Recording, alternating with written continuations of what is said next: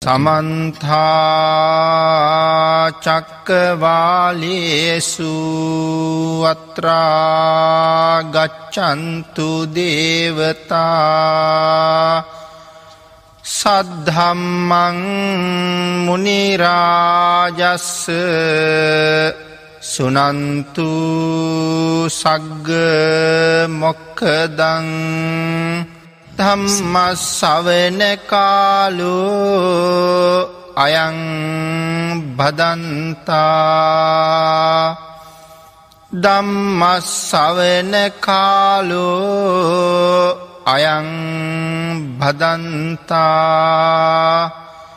ධම්මස් සවන කාලු අයං බදන්තා නමෝතස්ස භගවතු අරහතු සම්මා සම්බුද්දස්ස නමෝතස්ස භගවතු අරහතු සම්මා සම්බුද්දස්ස නමෝතස්ස භගවතු අරහතු සම්මා සම්බුද්දස්ස සද්ධර්මශ්‍රාවක කාරුණික ගුණගරුක බෞද්ධ පින්නතුනී බොහෝම ශ්‍රද්ධාවෙන් යුක්තව මෙපින්වත් පිරිස අදත් සැදී පැහැදී සූදානම් වෙන්නේ තතාගත සාන්තිනායක සම්මා සම්බුදු පියාණන් වහන්සේ විසින් දේශනා කොට වදාළ මේ අති උතුම් ශ්‍රී සද්ධර්මරත්නයේ අබමල් රේනුවකටත් වඩා අඩු බොහෝම පුංචි කොටසක් දේශනා කරවගෙන ධර්ම ගෞරවය පෙරදැරි කරගෙන සද්ධර්මශ්‍රවනය කරන්නයි. එසේ සද්ධර්ම ශ්‍රවණය කිරීමෙන් සම්මා සම්බුදුරජාණන් වහන්සේ නම් කෞුද කියන කාරණාව මනාව හඳුන ගනිමින් ලෝකයාට භාග්‍යතුන් වහන්සේ හඳුනාගණ්ඩ මග සලස්වමින් ලෝක සත්වයා සුවපත් කරවමින් තමන් සුවපත් වෙමින් ලෝක ධාත්වය පහළ වෙච්ච මේ මහා කල්්‍යයාන මිත්‍රයාණන් වහන්සේ සරණයමින් සංසාර සාගරයේ එතර කරගණ්ඩ සූදානන් වෙමින් ඒ වෙනුවෙන් යොදාගත්ත උදාර්තර වූ පින්කම්මාලාවේ තවත් එක අවස්ථාවක් තමයි අපි සම්පූර්ණ කරන්න සූදානන් වෙන්නේ. භාග්‍යවතුන් වහන්සේ කෞුද කියන කාරණාව හඳුනාගනිමින් යන ගමනය. පෞගිය දේශනාවෙදී අපි සාකච්ඡා කරන්නට යෙදුනා සුමේද තාපසතුමන් පිළිබඳව කරුණු ටිකක් අපේ බෝසතාණන් වහන්සේ සුමේද තාපස අවධිය ගත කරපු හැටි. ඉතින් ඒ කාරණා සාකච්ඡා කරන අතර දීපංකර බුදුරජාණන් වහන්සේ මුණගැහෙන හැටි අපි සාකච්ඡා කළා. සුමේද පණ්ඩිතයන් සියලූම සැපසම්පත් අතහැරල දාලා. වනගත වෙලා ඇඳගෙන ඉන්න ඇඳුම පවා තමන්ට බරයි ඒකත් දුක් සහිතයි. ආරාමේ කොයි තරන් දුක් සහිතද ඇඳුම මොන තරන් දුක් සහිතද මේ කරුණු තීරණය කරලා ඇඳුමෙන්ද අයින් වෙලා අඳුන් දිවිසමට මාරු වෙලා දවස් හතකින් පංච අභිග්ඥා අෂ්ට සමාපත්ති ලබාගත්තා. මේ අපි පහුගේ දවසේ සාකච්ඡා කරපු කොටසේ අන්තිම සාරහන්සයයි අපි මෙ සිදු කරන්නේ. අවස් හතකින් පංච අභිග්ඥා අෂ්ට සමාපත්ති ලැබවා. ඉහළම තාපස ප්‍රෞෘජාවක් ඉහළම තපසක් සම්පූර්ණ කරලා තමයි පංචාභිඥාෂ්ට සමාපත්ති දවස් හතකින් ලබන්නේ පවත්ත පල භෝජනයෙන් යපුන මේ දවස් හත කාලේ. පිඩිසිඟා වැඩියම නැහැ. අවට වැටන දේවල් සොයාගෙන ගීත් නෑ. තමන් ළඟට වැටන දේවල් අරගෙන තමන් ජීවත්වෙන වැඩඉන්න ගහයට තියෙන කොල්ල පල අනුභව කරමින් රස මිහිර ගැන නොසොයමින් ධ්‍යාන වැඩීම සඳහාම මුල් තැන දීලා දිවා රාත්‍රී දෙකේ නිදියවෙන හැ කියල සඳහන් කළා. ඉඳගත්ත හිටගත්ත ඇවිද්ද විතරයි. මෙහෙම වීර්ය වඩල තමයි හද්දවසින් විද්‍යාන අභිග්ඥා ලබාගන්නේ. එහෙම ධ්‍යාන අභිග්ඥා ලබා ගනිමින් උන්වහන්සේ කටයුතු කරන කාලසීමාව තුළ තමයි දීපංකර සම්මා සම්බුද්ධ කියන මහා බුද්ධෝත්තමයාණන් වහන්සේ ලෝක දහත්වයේ පහළ වෙන්නේ. ඒ කාරණාව මේ සුමේද චරිත කතාව මනාව පැහැදිලි කරලා තියෙනවා. සුමේද තාපසතුමා ඒ කාරණාව මේ විදිහට බුද්ධවන්ස පාලිය සඳහන් කරනවා. ඒවන් මේ සිද්ධි පත්තස්ස වසී භූතස්ස ශාසනී. දීපංකරෝ නාම ජිනෝ උපපජ්ජි ලෝකනායකු. මෙසේහෙයින් තාපස ශාසනයෙහි වශී වූමා අභිග්ඥා සිද්ධියට පැමිණි කල්හි ලෝකනායක වූ දීපංකර නම් වූ ජිත පංචමාරයන් වහන්සේ උපන්සේක. උන්වහන්සේ ලෝක දහත්වය උපදිනකොට දීපංකර තාපසතුමා ධ්‍යාන අභිග්ඥා ලබල ඉවරයි. උපපජ්ජන්තෝව ජායන්තේ බුද්ධන්තේ ධම්ම දේශනයේ චතුරු නිමිත්තේන නාදස්ස ජානරති සමප්පිතු. උන්වහන්සේ උපත්තිය ලබන වෙලාවි. සිහිපත් කරනවා මවකුස පිළිසිඳ ගන්නා කල්හිද මවකුසින් නික්මෙන කල්හිද බුදු බව ලබන කල්හිද දම්සක් දෙසන කල්හිද.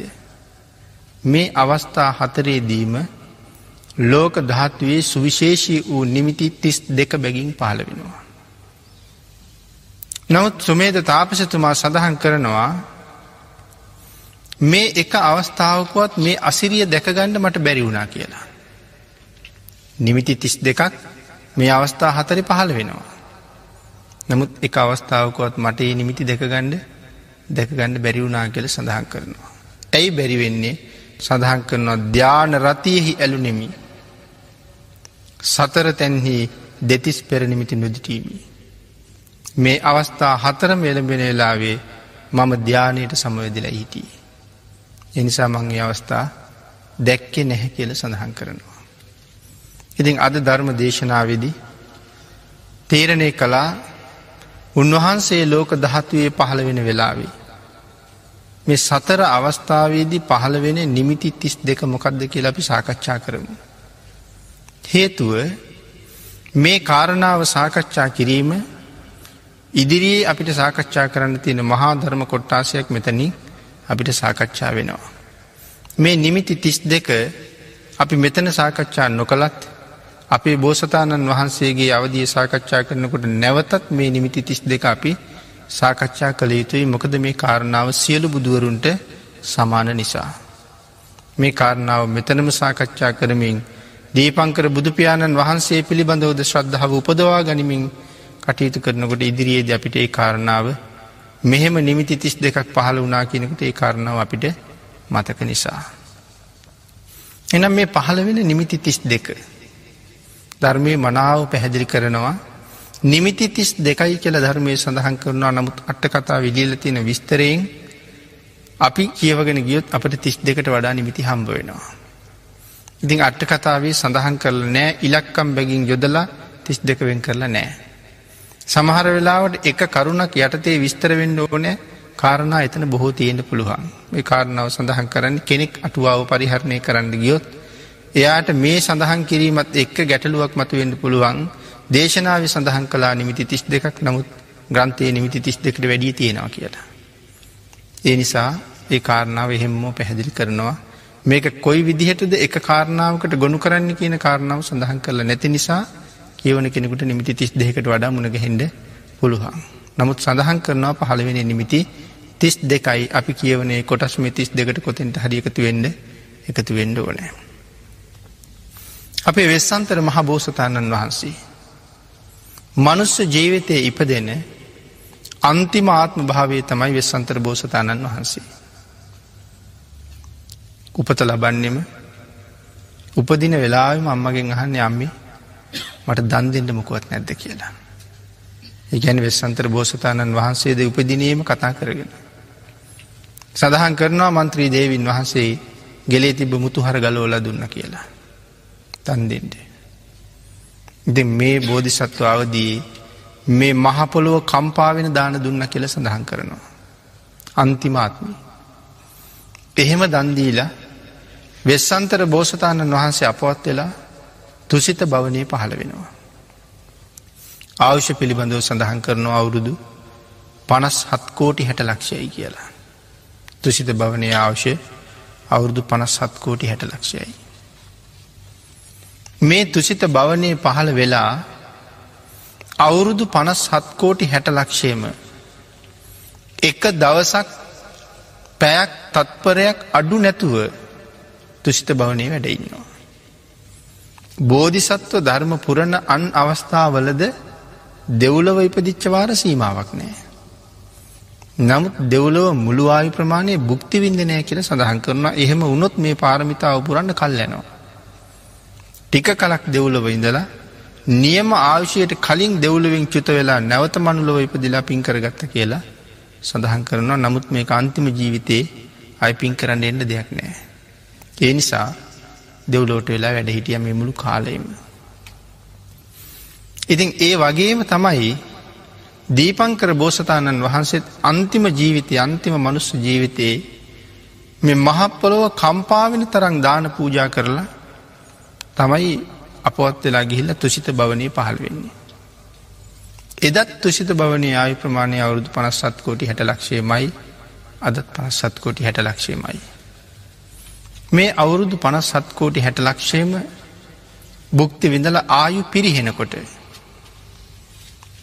බ්‍රහ්මරාජවරු එක සක්වලකන මේ දහදාහක් සක්වල වල්වල දිව්‍ය රාජවරු බ්‍රහ්මරාජවරු උන්වහන්සේ ළඟට ඇවිල් ආරාධනාවක් කරනවා ස්වාමීනී දැන් මනුලව උපදින්න කාලයයි.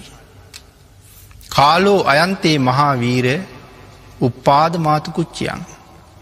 මහාවීරයන් වහන්ස මේක මවකුස පිළිසිඳ ගන්නා වූ කාලයයි. ඒ ආරාධනාව කලාට පස්සේ උන්වහන්සේ කාරණා පහක් පිළිබඳව මනුලව දිහා බලනවා. කාරණා පහක්. අපි එකට කියන පංච මහා විලෝකන කියලා. කාලයයි දීපයයි දේශයයි කුලයයි මවයි. මේ කාරණා පහ කාලය කියල සඳහන් කරන්නේ බුදුරජාණන් වහන්සේ නමක් පහළ වෙන්නේ මිනිස්සුන්ගේ පරමාවිශ ලක්ෂයට වැඩිනං පහළ වෙන්නේ නැහැ. මිනිස්සුන්ගේ පරමාවිශ සීයට අඩුනං පහළ වෙන්නේ නෑ. බුදුරජාණන් වහන්සේ පහළ වෙන්නේ අවශ්‍ය ලක්ෂයක් සීයත් අතර මිනිස්සුන්ගේ අවශ්‍යය වෙනකොට ඊට වඩා වැඩි නැතිවෙයි. ලක්ෂයත් සීයත් අතර පහළවෙන්නේ ඒකයි මිනිස්සුන්ට මේ කර්මය පලය තේරුම් ගණ්ඩ අවබෝධ කරන්න පුළුවන් කාල සීමාවක් වෙන්ඩුවනෑ. දීර්ඝාවශ තිබුණොත් දුක කියනක තේරෙන්නේ. මරණය කියනෙ අවබෝධ වෙන්නේ. අවශ්‍ය වැඩි. ඒ නිසා ලක්ෂයත් සීයත් අතර තමයි පහළ වෙන්න කියල ධර්මය සඳහන් කරනවා මේක තමයි කාලය. ඊළඟට දීපය ලෝකය මහද්දීප හතරකට බෙදෙනවා. එකක් ජම්බුද්දීපය. අනික උතුරුකුරු දිවයින.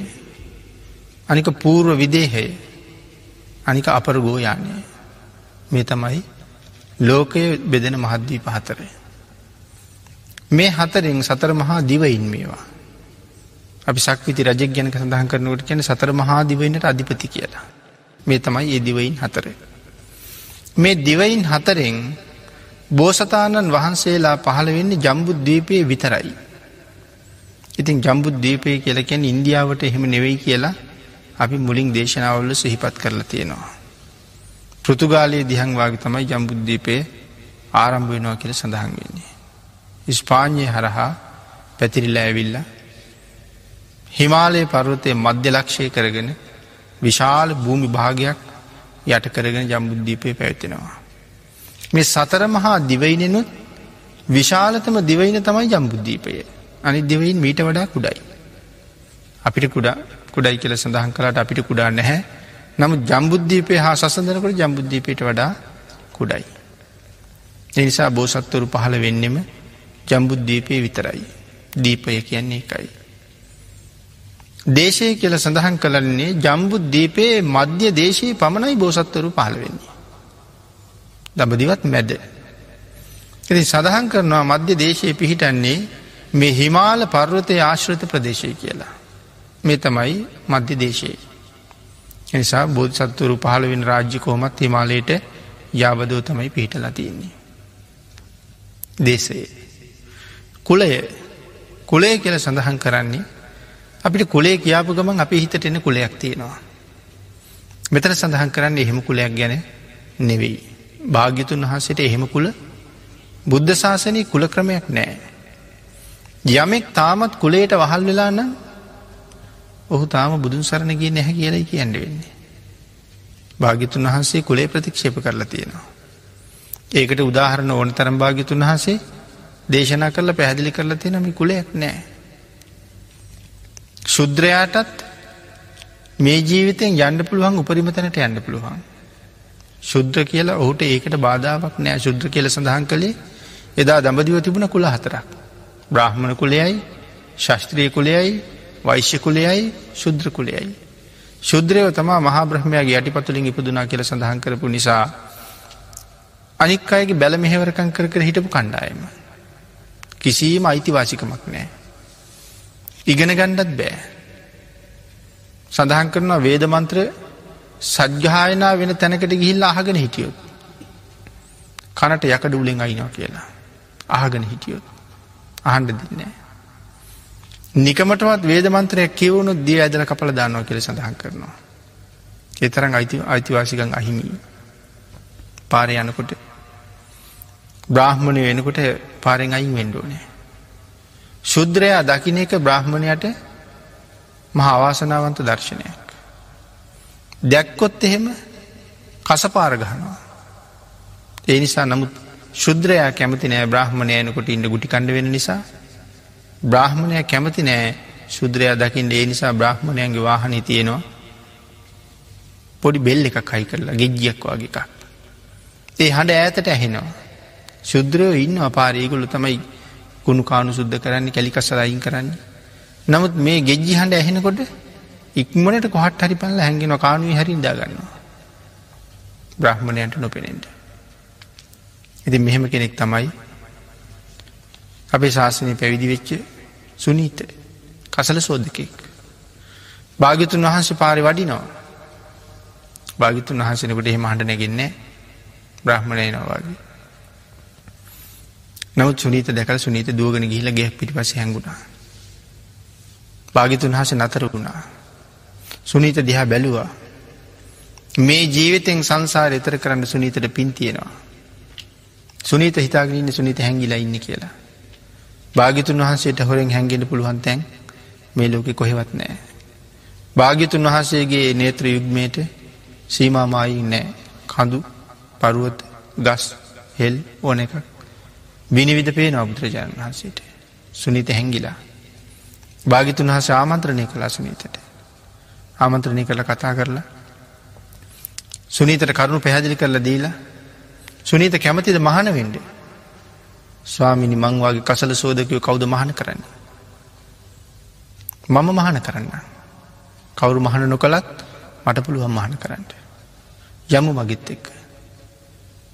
සුනීත මඩකුණු පිටින් භාගිතුන් වහසත් එක යන අතර නාල පිරිසිදු වෙලා විහාරයට ගියා. භික්‍ෂූන් වහන්සේලාට සුනීත භාරදීල භාගිතුන් වහස සුනිත පැවිදි කෙරෙව්වා. සුනීත භාග්‍යතුන් වහසකින් කමටහන් අරගෙන රුක්ෂ මූල සේනාසනයකට ගිහිල්ලා බවුන් වටනවා. සුනිත නොබෝ දවසකින් රහත් වුණා. සුනීත කසල සෝදක නිසා කවරුව සුනීතර එදා සැලකුවේ නෑ මේ වෙලාවි ශ්‍රීනාශ්‍රව වූ මහා බ්‍රහ්මයෙක් සුනීත ළඟට එනවා. තවත් බඹලෝ ඉන්න බ්‍රහ්මරාජූ සුනීත ළඟට ඇවිල්ල දනගහලා සුනීතට වැන්දා. මහා වීරයන් වහන්සේ මහා පුරුෂයන් වහන්සේ අජානීයයන් වහන්සේ වහන්සේට මාගේ නමස්කාරය කියල වන්දනා මාන කළා. නමුත් සුනීත හිටී ඇහෙන් දැක්කත් අවාසනාවන්තයෙක් දැක්ක කියල හිතන තැනක. නමුත් අද බ්‍රහ්මරාජයන්ගෙන් වෙදුල් ලබන්ඩ පුළුවන් තැනක සුනීතයවා. එනිසා භාගිතුන් වහස දේශනා කළා මේ ආර්ය ශාසනය උසස් පහත් බවට කුලයක් නෑ කියලා. සම්මා සම්බුද්ධත්වය මුදුන් පත් කරගණ්ඩ ආසන්න වෙනකොට කලින් දවසේ උන්වහසේ සිහින පහක් දැක්කා. එතන එක සිහිනයක් තියෙනවා පාට හතරක ලිහිනියෝ හතර දෙනෙක් හතර පැත්තිෙන් පියාඹග නැවිල්ල උන්වහන්සේගේ සිරිපතුල් ගව වැටිල එක පාටක් වෙනවා. එනම් එදා දඹදිව තිබිච්ච කුල හතරක්.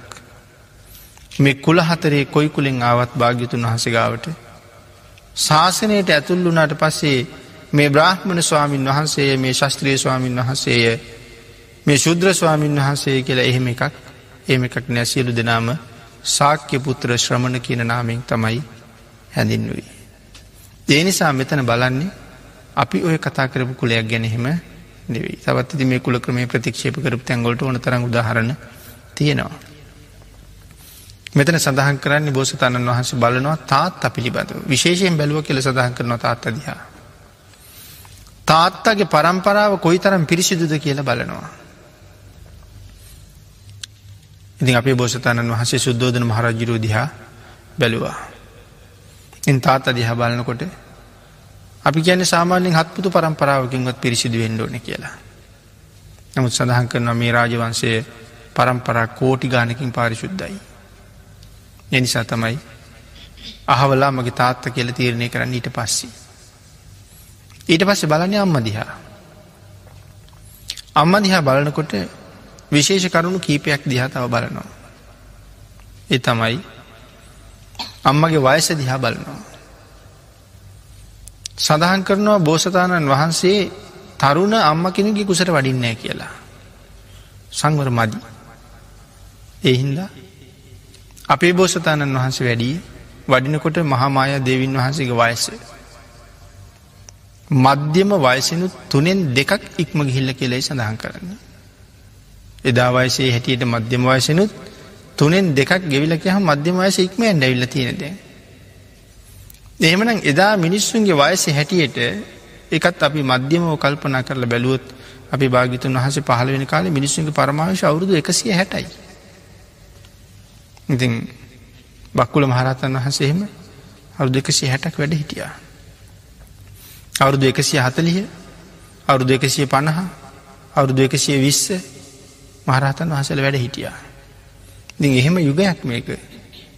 ඉතින් එතනත් මධ්‍යමයට අරගෙන බැලුවොත් මේ කාලය වෙනකොට මහාමායා දේවින් වහන්සේගේ වයස අවුරුදු හැටත් හැට පහත් අතර වගේ කාලයක තිබිල තියෙන්නේ. ද මේ කාරණාව බලනෝ අනිකම්ම සිල් අරංගින්ඩුව නෑ. කුසට වඩින්නේ නැත්තම්. මේ කාරණාව හරි හරි වටින කාරණාවක් අදත්. මහාපුුණ්‍යවන්තයෝ මවකුසට එන්නේ නෑ පින් නැත්තම්. ඇති වර්තමානය හරි වෙසනයක් තියෙනවා මේ පින් ඇත්තෝ උපදින් නැතික ගැන.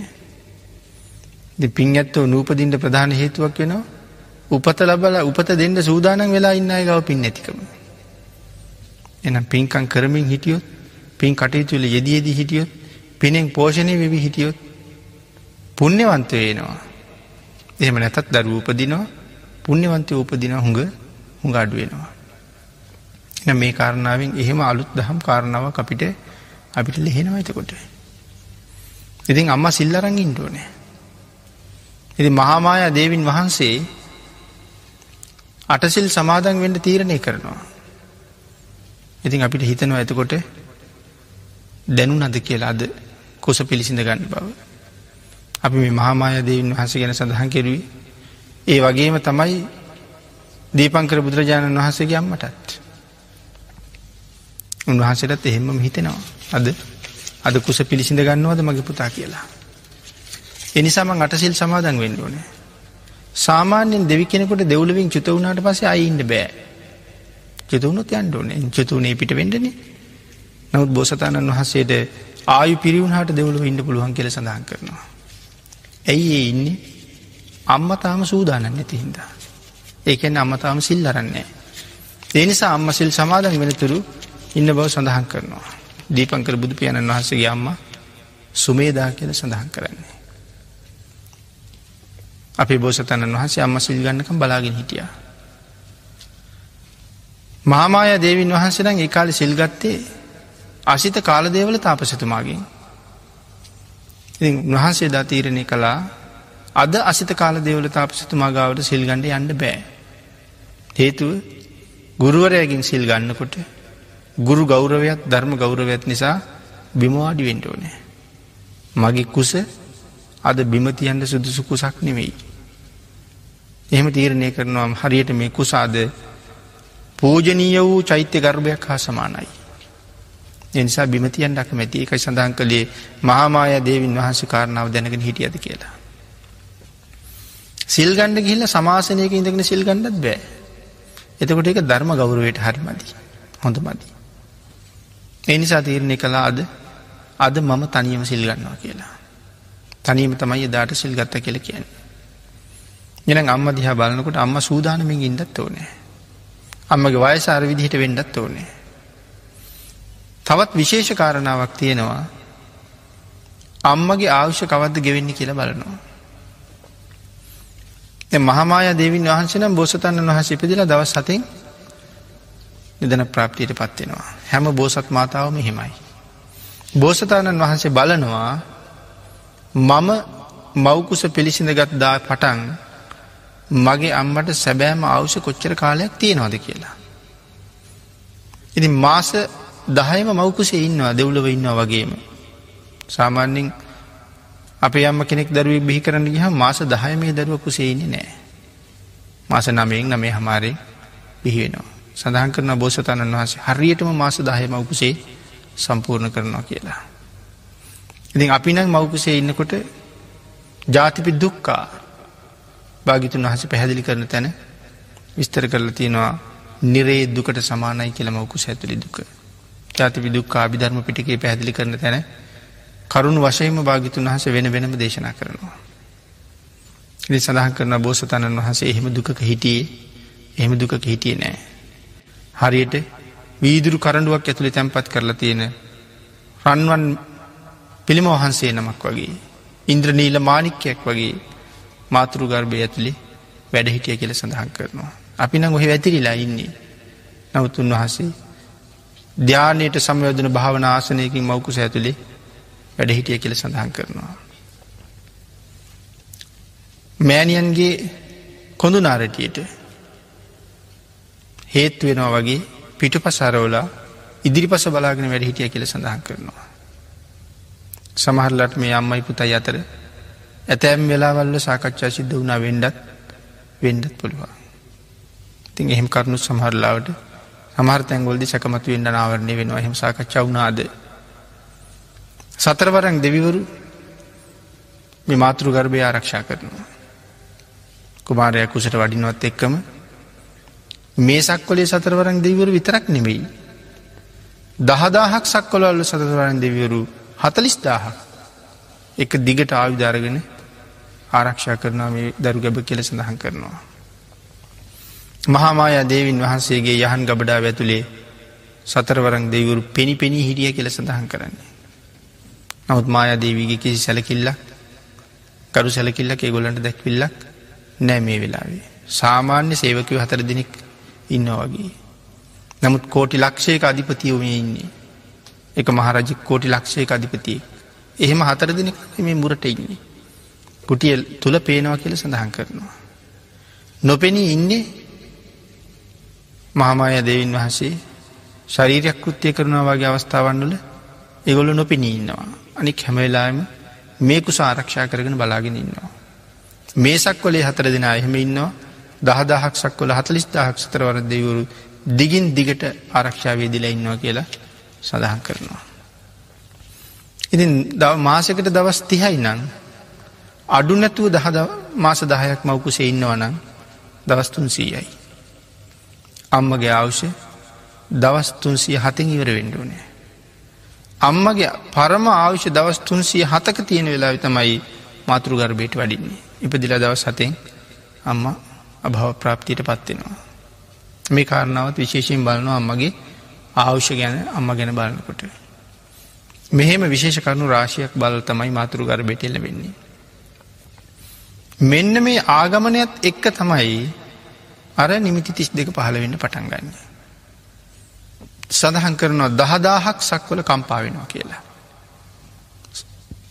ශක්කොලවල් දහදාහක් වෙව්ලනවා කියල සඳහන් කරන එකැන මාතෘ ගර්භය පිළිසිඳ ගන්නවත් සමගම සක්කොළුවල් දහදාහක ආධිපත්තිය දරනවා කියන එකයි. තම ග්‍රහණයට නතු කරනවා සක්කොළුවල් දහදාහක්. දෙනිසා ඒ සක්කොළුවල් දහදාහට දැනෙනවා මේ දහදාහට අධිපති රජු පහල වනාසේ දැනෙනවා.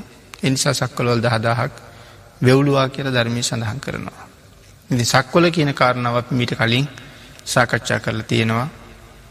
එක සක්වලක ලෝක තිස් එකක් තියෙනවා එක සක්කොලකට පායන්න එක ඉරයි එක හඳයි. සක්කොළවල් දහදහකට හිරු දහදහසක් සඳු දහදහසක් පායනවා. එහෙම භූමි භාගයක් තමයි මේ බෙව්ලෝමින් මාතෘ ගර්බයට එළඹෙන්නේ.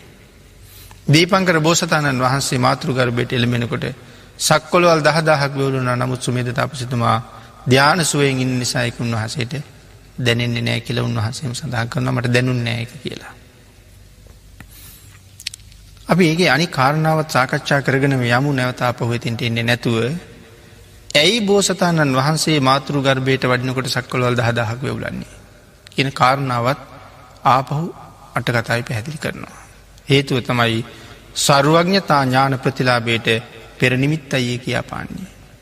මේ කුසට වඩින්නේ යම් දවසක ලොවතුරා සම්මා සම්බෝධිය ලබාගන්නා උතුමෙක් මයි කියන කාරණාව කියා පාණ්ඩ තමයි මේ දහ දහක් සක්වල වෙවුලන්න කියලා සඳහන් කරනවා. මේ නිමිති තිස් දෙකටම පූර්ව කාරණ මේ විදියට සඳහන් කරලා තියෙනවා. ඊළඟට සඳහන් කරනවා දහ දහසක් සක්වල දෙවියන් ඒක රාශි වුනා කියලා. මාතෘ ගර්භයට වඩින වෙලාවේ සක්වලවල් දහදාහක දෙවියූ. කෝටි ප්‍රකෝටි ගණන් දෙවිවරු. අපි හිතාගන්න බෑ දෙව්ලෝ කොච්චර ඉන්නවද කියලා. සක්‍ර දේවේන්ද්‍රයන් වහන්සේගේ පරිවාර දිව්‍යාංගනාවන් ප්‍රමාණය විතරක් කෝටි දෙක හමාරක් කියල සඳහන් කරනවා. එතකොට තවත් දෙවරු තිස් දෙදෙනෙක් ඉන්නවා දෙවි රජවරු. ඒ අයට කොයිතරන් දිව්‍යාංගනාව ප්‍රමාණයක් ඉන්ඩ ඇද්ද. ඒ පරිවාර කාන්තාව එතකොට තවත් දිවිය පුත්‍රය ඕන තරන් ඉන්ඩ ඇති. එතනින් එහාට එහාට යනකොට තිව් දෙව්ලෝවලල් ඊට වඩා ආනිසංස සහිතයි. ඒ නිසා මේ පල්ල හැදිවිය ලෝකෝල ඉන්න දෙවිවරුන්ට ඉහළ දෙවිය ලෝකොල ඉන්න පේෙන්නේ. සක්‍ර දේවේන්ද්‍රයන් වහන්සේගේ ශක්තිය ගැනනම් කියන්න බැහැ අනි දෙවියන්ට පේෙන්නේ.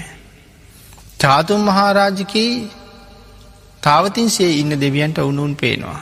බුදු සක්‍ර දේවේන්ද්‍රයන් වහසේ රාජ්‍යන් දෙක නිසා. නමුත් මේ දිවිය ලෝක දෙකේ ඉන්න දෙවිවරුන්ට අපි ශක්තියදි හැර කියල සඳහන් කරමකෝ. යාමේ දෙවුරු පේනෙ නෑ. ඒ දෙවුරු ඊට වඩා ඊට වඩා ඉතා සූක්ෂම ශරීර එක ගෙදරක. එක ගෙදරක පුරුෂයකුට හිටිය භාරයාව දෙන්නෙක්. භාරයාව දෙන්නකින් එක්කෙනෙක් එයාගේ ජීවිතය පුරාම දන් දුන්නා. ජීවිතය පුරාම දුන්නේ පෞද්ගලික දාන අනික් භාරයාව කවදාවත් දන් දුන්නේ නෑ එක දවසක් මහරහතන් වහන්සේ නමක් ඇයට කියනවා සාංගික දානයක් දෙට කියලා. මුළු ජීවිතයටම සාංගික දානය එකයි දෙන්නේ. මේ දෙන්නම මැරිල ගිහිල්ලා දෙවුල ඕපදිනවා. මුළු ජීවිත කාලෙම පෞද්ගලික දාන දුන්න දිවියංගනාවට අර දිවියංගන ඇවිල්ල කතා කරනවා. නැගනිය නැගනිය කියල කතා කළා. කතා කරනවා ඇහෙන මිසක් පේන්නේ. කෞුද කියලෙව්වා. ඒ මතක නැද්ද මම. මොබත් එක එක ගෙදර අපි දෙන්නම එක ස්වාමයාගේ බිරින් දැවලු. ඔබ මුළු ජීවිත කාලෙම දන් දුන්නා. මමුළු ජීවිතයටම දුන්න එක දානයයි. හැබැ මන්දුන්නේ සාංගික දානයක්. මඟුඹට වඩා ඉහල තැනක ඉපදුනා. මහරහතන් වහසගේ කරුණාව ලැබිල තමයි සංගික දානයක් දුන්නේ. ඉට පස කියන මට පේන්නේ. ඊට පස සඳහන් කරනවා කය රලු කරල පෙන්නවා කියලා. එතකොට පේන රලුන්නට පස පේනවා. ඒ වෙලා තම යහන්නේ මේ තරන් ඔබ ලස්සන වනේ කොහොමද ජීවිතයට මේ එක දානයක් දීලා. ඊට පස්සේ කියන්නේ මේ විදිහ දානයක් දුන් පිනටයි මම මෙහෙමුණේ කියලා. එනම් දෙවියන්ට දිවිය තල ඒ දෙවියන්ට පේන්නේ. නිසා අපි දන්න දිවිය ලෝකොල කොයි තරන් දෙවරු ඉදීති කියලා. නමුත් මේ මොහොත කෝටි ප්‍රකෝටි ගනන් දෙවිවරුන්ගේ ආගමනය සිද්ධ වෙච්ච මොහොතක් මාතෘ ගර්භයට බෝසතාණන් වහන්සේ එළමෙනවා කියන කාරණාව. ඉතින් එහෙම දෙවිවරු එළමෙනව කියල සඳහන් කරන්නේ මොන පූරු නිමිත්ත නිසාද කියල සඳහන් කරනවා දම්සක් පවත්වන කල ඒකරාශීවීමට පූරු නිමිත්තයි. ලෞතුරා සම්මා සම්බෝධිය ලබල ඉස්සරලාම ලෝක දහතුවට දහම් දේශනා කරන්න ශ්‍රීමක ධාතුව විවෘත කරන මොහොතට දෙවිවරු වඩිනවා කියන එකට නැත්තන් මේ මහා පුරුෂෝත්තමයණන් වහන්සේ දහ දහක් සක්කලවල් කම්පාකරෝමින් දම් දෙසනවා කියන කාරණාවට පූරණමිත්ත කැටියට තමයි මේ කෝටි ගණන් දෙවරු එක්රැස් වෙන්නේ කියල සඳහන් කරලා තියෙනවා. ඊළකට සඳහන් කරනවා බෝසතාණන් වහන්සේ උපදිනකොට ඉස්සරලාම පිළිගන්නේ දෙවිවරු. විශේෂෙන් සඳහන් කරනවා පිළිගන්නේ බ්‍රහ්ම රාජයෝ සල්ලාම් පිළිගන්නේ. නිකම් බ්‍රහ්ම රාජයෝන මේ ශ්‍රීනාශ්‍රෝ බ්‍රහ්ම රාජයෝ තමයි තැන්ට එන්නේ. ශ්‍රීනාශ්‍රවයි කියලකෙන සියලු කෙලෙස් නැතිකරපු බ්‍රහ්ම රාජයෝ සුද්ධවාසයෙන් තමයි වඩින්නේ පත්තරන් දැලක් කරගෙන. බෝසත් මාතාව දරුව බිහි කරන්න සූදානන් වෙන තැනට උන්හසල වැඩලා දරුව බිහි වෙනකොට මේ රත්තරන් දැලින් බාරගන්නවා. ඉතින් කෙනෙකුට මේ කාරණාව හරියට කල්පනා කළේ නැත්තං. හිතෙන්ට පුළුවන් රහතන් වහන්සේලා ඇයි කාන්තාවක් දරුවෙක් බිහි කරන තැනකටයි මේ රහතන් වහන්සේලා බෝසතාණන් වහන්සේ බිහිවුණත් මේ කාන්තාවක් දරුවෙක් බිහි කරනවා. රහතන් වහන්සේලා එහෙම එනවද. කෙනෙකුට අතරින් මෙතන නැගෙන්ට තින අතුර ප්‍රශ්නයක් අප විශ්නගෙන ගියහම බොහෝ දෙනාට එක හරි පහසු වෙයි. සඳහන් කරලා තියෙනවා ධර්මය මේ විදිහට. බෝසත් මාතාව දිහා බලලා යම් කෙනෙක් රාගසිතක් උපදවගත්තුත් අප්‍රමාණකු සැල්පිරෙනවා කියලා. බෝසත් කුමාරයා ගර්භය ඉපදුනාට පස්සේ පිය මහරජ්ජිරුවන්ටවත් රාගසිතින් යුක්තවේ කුටියට ඇතුල්ලෙන්ට දෙන්න කියල සඳහන් කරනවා. යම් පුරුෂයෙක් රාගසිතින් යුක්තවේ කුටිය පැත්තට යන්ට ලෑස්ති වුණොත් සතරවරං දෙවිවරු දිව්‍ය මේ දල්ගල්ලින් පාද ගැට ගහලා එලියට ඇදල විසි කරනවා කියල සඳහන් කරනවා. යන්න දෙන්න ඇතනින් හට. ඉතින් එහෙමන කෙනෙක් රාගසිත් උපදවන කියල කියන්නේ අප්‍රමාණකුසල් පුරුණු වැටක් එක. එනම් මේ දරුවෙක් බිහි කරනවා කියන වෙලාව දරුවෙක් බිහි කරනවා කියන වෙලාව ඒකට සමහර කෙනෙකුට හොඳට අවස්ථාව තියෙනවා. ඒ නිසා මෙතෙන්ට රහතන් වහන්සල වඩිනවා. ඒ අවස්ථාව මගාරවන්ට. වැඩල රත්තරන් දෙලින් භාරගන්නවා. අනික සඳහන් කරනවා බෝසත් මාතාව පුදුමාකාර විදිහයට ලස්සනයි කියලා. ලෝක දහත්වයේ පහළ වෙන අසහාය රූප සම්පත්තියකට උරුමකම් කියන එකම පුරුෂයණන් වහන්සේ තමයි සම්මා සම්බුදුරජාණන් වහන්ස කියල කියන්නේ. මේ පුරුෂෝත්තමයණන් වහන්සේ විතරක් ලස්සන වෙනවා හෙම නෙවෙයි. එනම් උන්වහස බිහිකරපු අම්මත් කැතයි තාත්තත් කැතයි උන්වහස විතරක් ලස්සනයි වෙන්නේ වෙන්න නෑ. අම්මත් ඒ වගේම ඒ වගේම ලස්සනයි. තාත්තත් ඒ වගේම ලස්සනයි. තාත්තත් ඒ වගේම මහාපුරුෂ ශක්තියෙන් යුක්තයි. ඉතිගේ කාරණාවල් අපේ භාගිතුන් වහසගේ කාරණාවල් සාකච්ඡා කරනු අනාවරණය වෙනවා. එ මහාමායා දේවින් වහන්සේගේ ලස්සන වර්ණා කරන්නට මෙලෝකේ කිසිම පුද්ගලයකුට පුළුවන්කමක් නෑ. සඳහන් කරනවා දැක්ක අයට පිස්සු හැදෙනවා කියලා. එක එහෙම සඳහන් කරනවා. අදහගණ්ඩ බෑ රූපය. ඒ නිසා තමයි නම තියල තියෙන මහා මායා කියලා. මායාවක් මිසක් පිළිගණ්ඩ නම් බෑමේ රූපය ගැන. එනිසා නමම තිබ්බා මහාමායා කියලා. ඉති ඒ තරං ලස්සන නිසා ඕනෑම පුද්ගලිකුට රගසි පහළවෙඩ පුළුවන්. ඒ නිසා ශ්‍රීනාශ්‍රව මහරහතන් වහන්සේ ඇවිල්ල තමයි මේ දරුව භාරගන්නේ. ඊට පස්සේ සතරවරං දෙවරුන්ට භාර කරනවා මහරහතන් වහන්සේලා උන්වහන්සේලා මංගල සම්මත අඳුම් දිවි සමගින් බෝසතාණන් වහස භාරගත්ත කියලා සඳහන් කරනවා. සතරවරං දෙවියන්ට ලැබෙන්නේ උන්වහසලා මාස දහයක්ති චාරක්ෂ කලා. උන්වහන්සේලගින් තමයි රාජවංශයට දරුව ලැබෙන්නේ රාජවංශය අය ඉතාම පිරිසිදු දවල් වස්තරයකින් භාරගත්ත කියලා සඳහන් කරනවා ඒ ඇතින් තමයි බෝසත් කුමාරයා මහපෘතු වේශ පර්ශ කරන්න සූදානන් වෙන්නේ. එදි සඳහන් කරනවා පළමුුව දෙවියන්ගේ පිළිගැනීම. සතර රූපාවචර ධ්‍යාන ලැබීමේ පෙරනිමිත්තයි කියලා. රූපාවචර ධ්‍යාන් හතර ලබනවට පෙරනිමිත්ත තමයි මහරතන් වහසල හතර නමක් ඇවිල්ල මේ භාර ගැනීම. ඉළඟට සඳහන් කරනවා මිනිසුන්ගේ පිළිගැනීම. සතර රූපාවචර ධ්‍යානයට සමවැදීම. සතර අරූපාවචර ධ්‍යානයන්ට සමවැදීම කියන කාරණාව නිසා තමයි මිනිස්සු භාරගන්නේ. රූපාවචර ධ්‍යානයට සහ අරූපාවචර ධ්‍යානයට. දෙවියන් භාරගන්න රූපාවචර ධ්‍යානයට සමවැදීම. මිනිසුන් භාර්ගැනීමේ පූර නිමිත්ත අරූපාවචර ධ්‍යානයන්ට සමවැදීම. කියන කාරණාවයි කියල සහිපත් කරනවා. පස්සනි කාරණාව සඳහන් කරනවා බෙර එක එක තූර්ය බහන්්ඩ තූර්ය වාදන තූර්ය බහන්්ඩ කවුරුවත් වාදනය නොකර ඉබේම වාදනය වෙන්ට පටන් ගන්නවා. කිසිම තූරය බහන්්ඩයක් කවුරුවත් වාදනය කරන්නේ. සඳහන් කරන දෙවියන්ගේ තූරය බහන්්ඩ අහසේ නාද වෙනවා. මනුස්සලෝක තියෙන තූරය බහන්්ඩ තියල තියල තියෙන් තැන්වල ඉබේම තමම්ම වාදනය වෙනවා. වාදනය කරන කෙනෙක් නෑ ඉබේම වාදනය වෙනවා.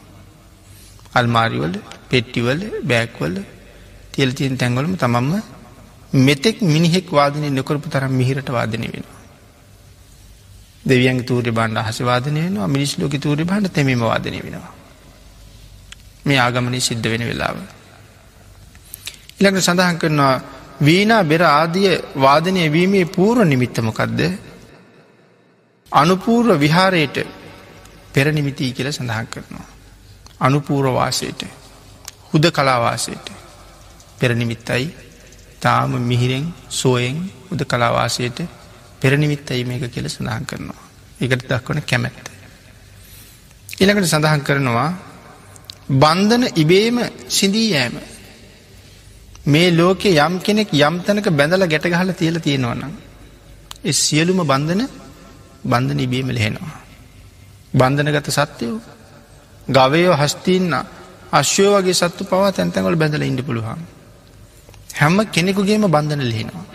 බැඳල තියන්න බෑ කවරුවත් මේ වෙලාවේ. එදකොට කූඩුවලවාගේ දාලා හිර කරලා තියාගත්ත ගිරව් මයිනවාගේ සත්තු ඉන්න පුළුවන්. එ සියලුම දොරවල් ඒ බන්ධනත් ඔක්කොම නිදහස් වෙනවා. එකට හේතුව තමයි අසම්මාත චේදනයට පෙරනිමිත්තයි කියලා. ඉද මේක හරියටම අසම්මාත චේදනයට පෙරනිමිත්තයි කියල සඳහන් කරනවා මිසක් කොයි ආකරයිද කියලා ඉටට විස්තර කරලනෑ. අසම්මාත චේදනයට එක විමසිය යුතුයි කියලා සහිපත් කරන සමහර තැනක මේක කොතන හරි විස්තර කරලා තියෙන පුළුවන්. ඊළඟට සඳහන් කරනවා ජාති අන්දයෝ උපතින්ම ඇස් පේෙන් නැති අය. ජාති අන්දයි කියන්නේ එකයි. ඉප දෙනවත් එක්කම ඇස් සන්දයි. මේ වෙලාවේ ජාති අන්දයන්ට ඇස් පේනවා. හොඳට පේන්ට පටන් ගන්නවා ඇස් පේෙන් නැති අයිට. එකට හේතුව තමයි රූප දකිින්ට දිවස් ලැබෙනවා. භාගිතුන් වහසේට මේ උපදින පුතාට දිවස් හම්බෙනවා කියන එකේ පෙර නිමිත්ත තමයි මේ ජාති අන්දයන්ට ඇස් පේන්නේ. අපිට දකින්න බැරි දේවල් දකින්න පුළුවන් වෙනවා. මෙතෙක් ලෝකෙ දැකල් නැති අයට ලෝකෙ පෙන්න්නන්නේ ඒකට පෙරණිවිත්තයි කියල සඳහන් කරනවා. ඊළඟට බිහිරන්ට හොඳට ශබ්ද ඇහෙනවා මෙතෙක් කවදාවත් අහල නැති ඉතාම මිහිරි ශබ්ද අහන්ඩ බිහිරි පුද්ගලයන්ට අවස්ථාව ලැබෙනවා. ජාති බිහිරු බදිර කියල සඳහන් කරන උපතින්ම බිහිරි අය. එ ඒගොල්ලන්ට ශබ්ද ඇහිමේ හේතුව තමයි දිව්‍යමය කණ ලැබෙනවා කියන එකට පූර නිමිත්තයිමේ. අපිට ඇහින් නැති ශබ්ද ඇහෙනවා.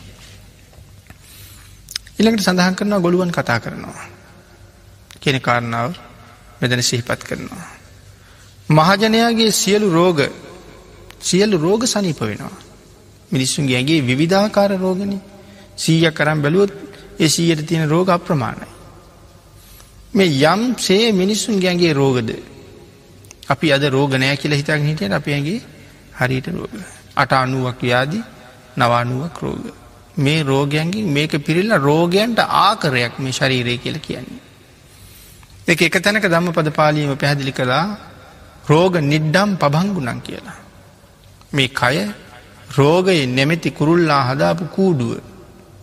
ඉති කූඩුව හදාගත්ත තැනින්දල කුරුල්ල ඉන්නේ කූඩුවේ. පංච උපාදානස්කන්දය යම් තැනකද හටගත්තේ හටගත්ත තැනඉදල කූඩුවේ කූඩුව ඇතුළි තියෙන ලෙඩ රෝගය නැමති කුරුල්ල හදාපු කූඩුව මේක.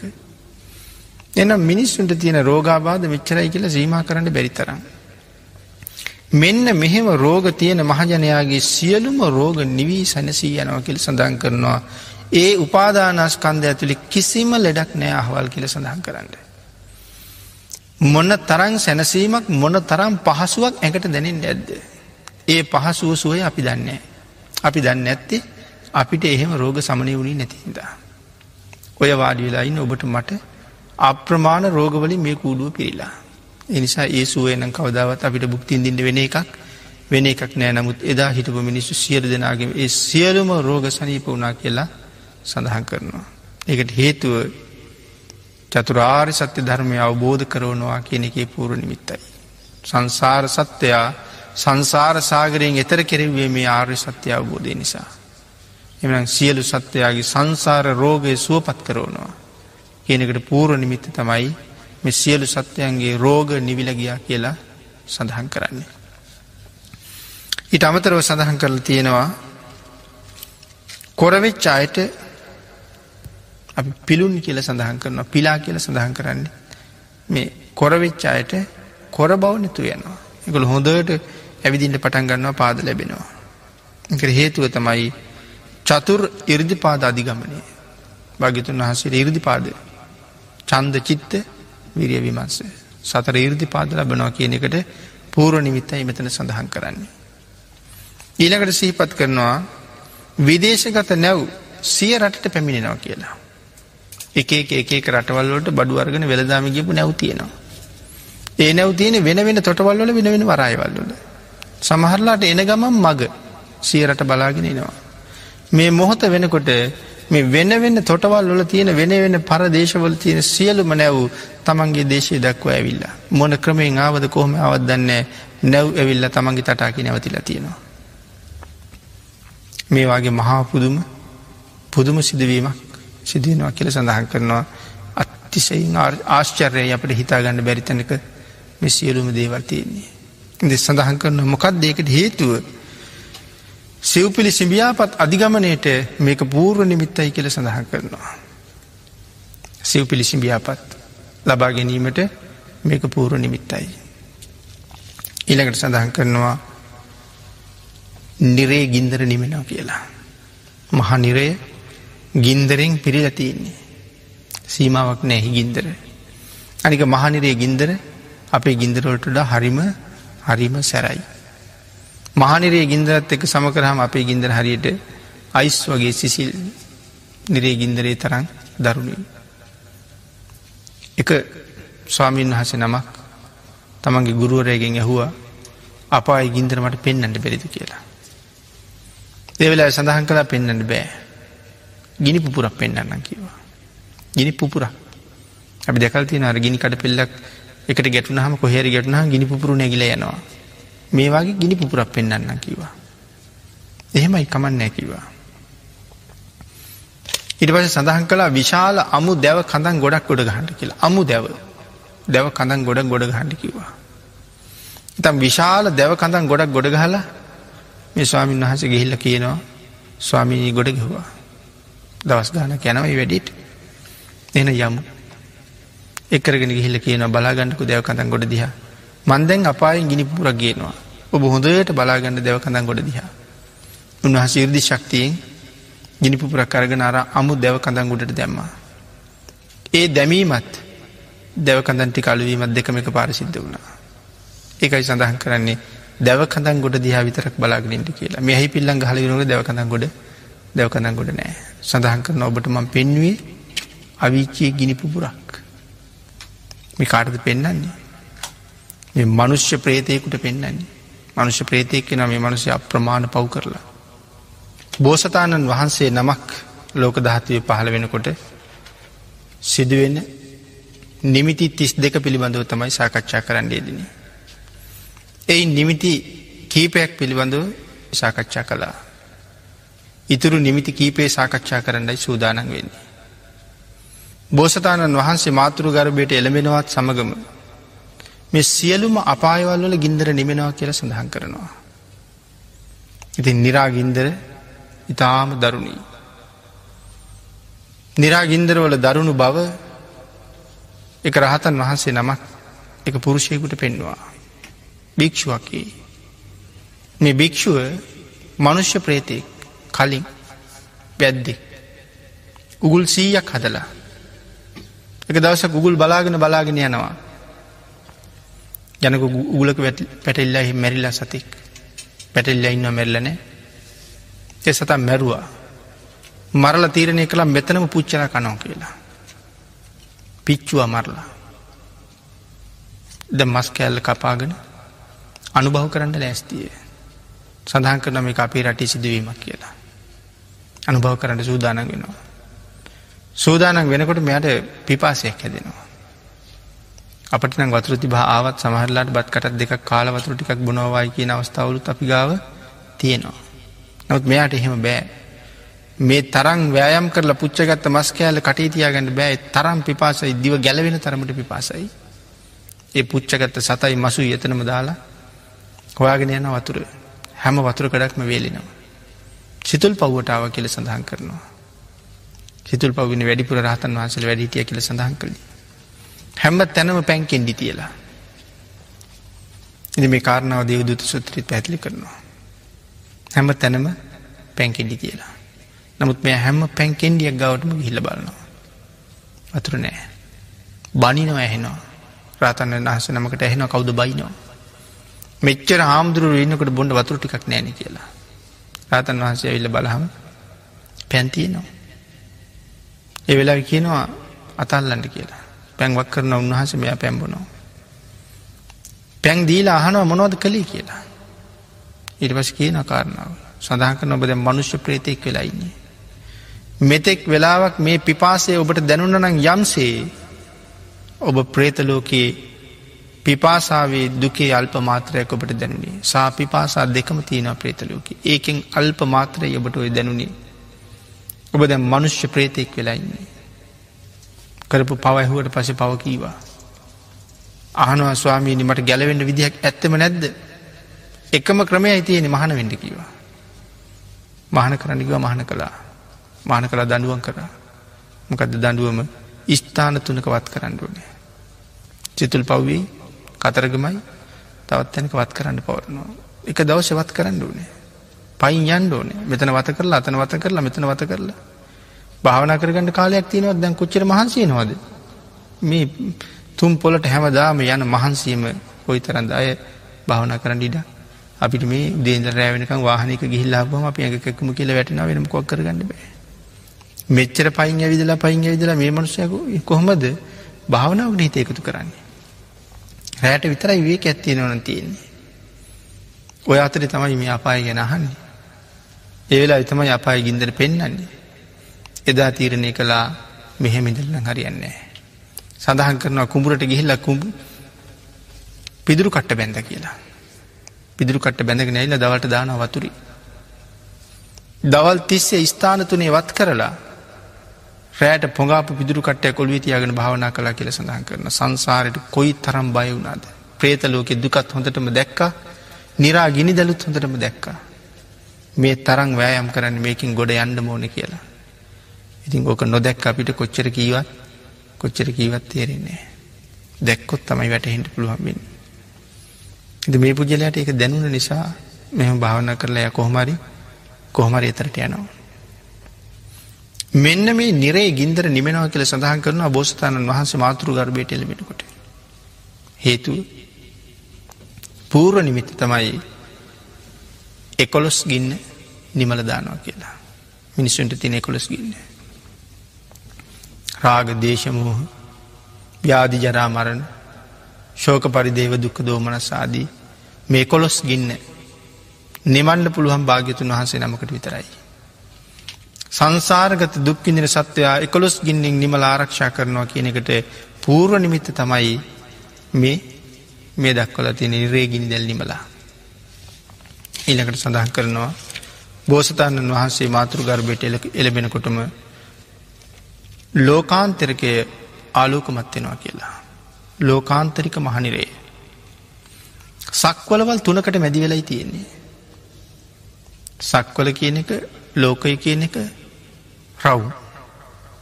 හැබැයි ධර්මය සඳහන් කරනවා විද්‍යාව පෙන්න්නන තරන්න රවුන් හැ කියලා.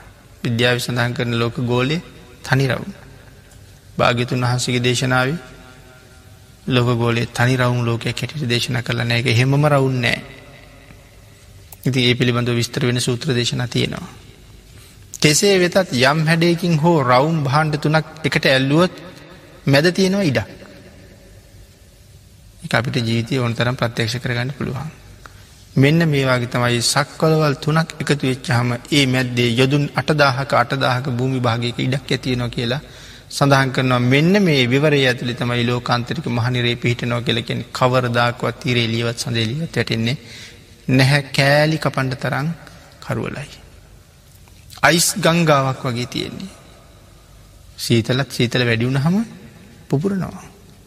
සීතර කාලට සමරලට අපි හමත් පුපුරනවා අපි දකිනවා. මේක ඉන්න නැති සත්තු මේ අයිස් ගංගාව වැටල පුපුර පුපුර ජීවත්වෙන්නේ.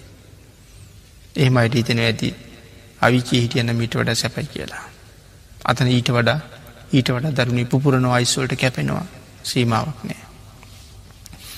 මෙන්න මේ නිරයට මෙදාට එලිය වැටෙනවා කියල සඳහන් කරන බෝසතන් වහන්ස මාතෘගර්බෙට එළමෙනකොට මේ ලෝකාන්තරික මහනිරයට එලිය වැටෙනවා.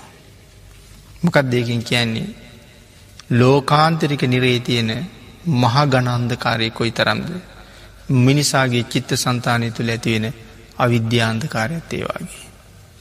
මේ අවිද්‍යාවේ අඳුර නසන මහා ආලෝක ධාතුව තමයි ලෝකයේ පහළ වෙන්නේ කියන කාරණාවට පූර්ව නිමිත්තයි ලෝකාන්තරික මහනිරේට එලිය වැටෙන එක. ඊළඟට සඳහන් කරනවා වාතය හෙමින් හෙමින් හමනවා කියලා. ඉතා වේගෙන් ගමන් කරන සුළං ඉතාම හෙමින් හමාගෙන යනවා. හෙමින් හුළං හමනවා විතරක් නෙමේ ඒ හුළං හරි සිසිල් සහිතයි. සීතල සුළං රැලි හමාගෙනයන්. හෙමින් හමනවා සිසිල් සුළං. සඳහන් කරනවා දෙසටක් මිත්‍යා දෘෂ්ටීන් බිඳිනවා කියන එකට පූර්ව නිමිත්තයි මේ පහළ වෙන්න කියලා.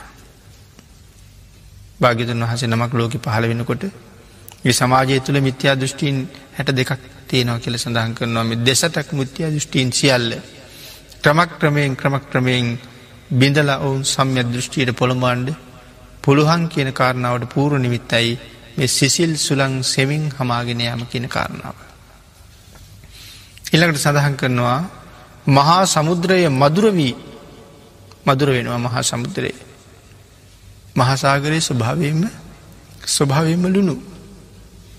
ඉතින් අපි මදුරයි කියල කියන්නේ අපි සාමාන්‍යයෙන් තැබිලිවතර වගේ දේවල් පූජා කරනකටත් මදුර කියන වචනය පාවිච්චි කරනවා මදුරං සුබං කියන වචනය සුභ වූ මදුර වූ ජලය භාගිතුන් වහසිට පූජ කරනවා.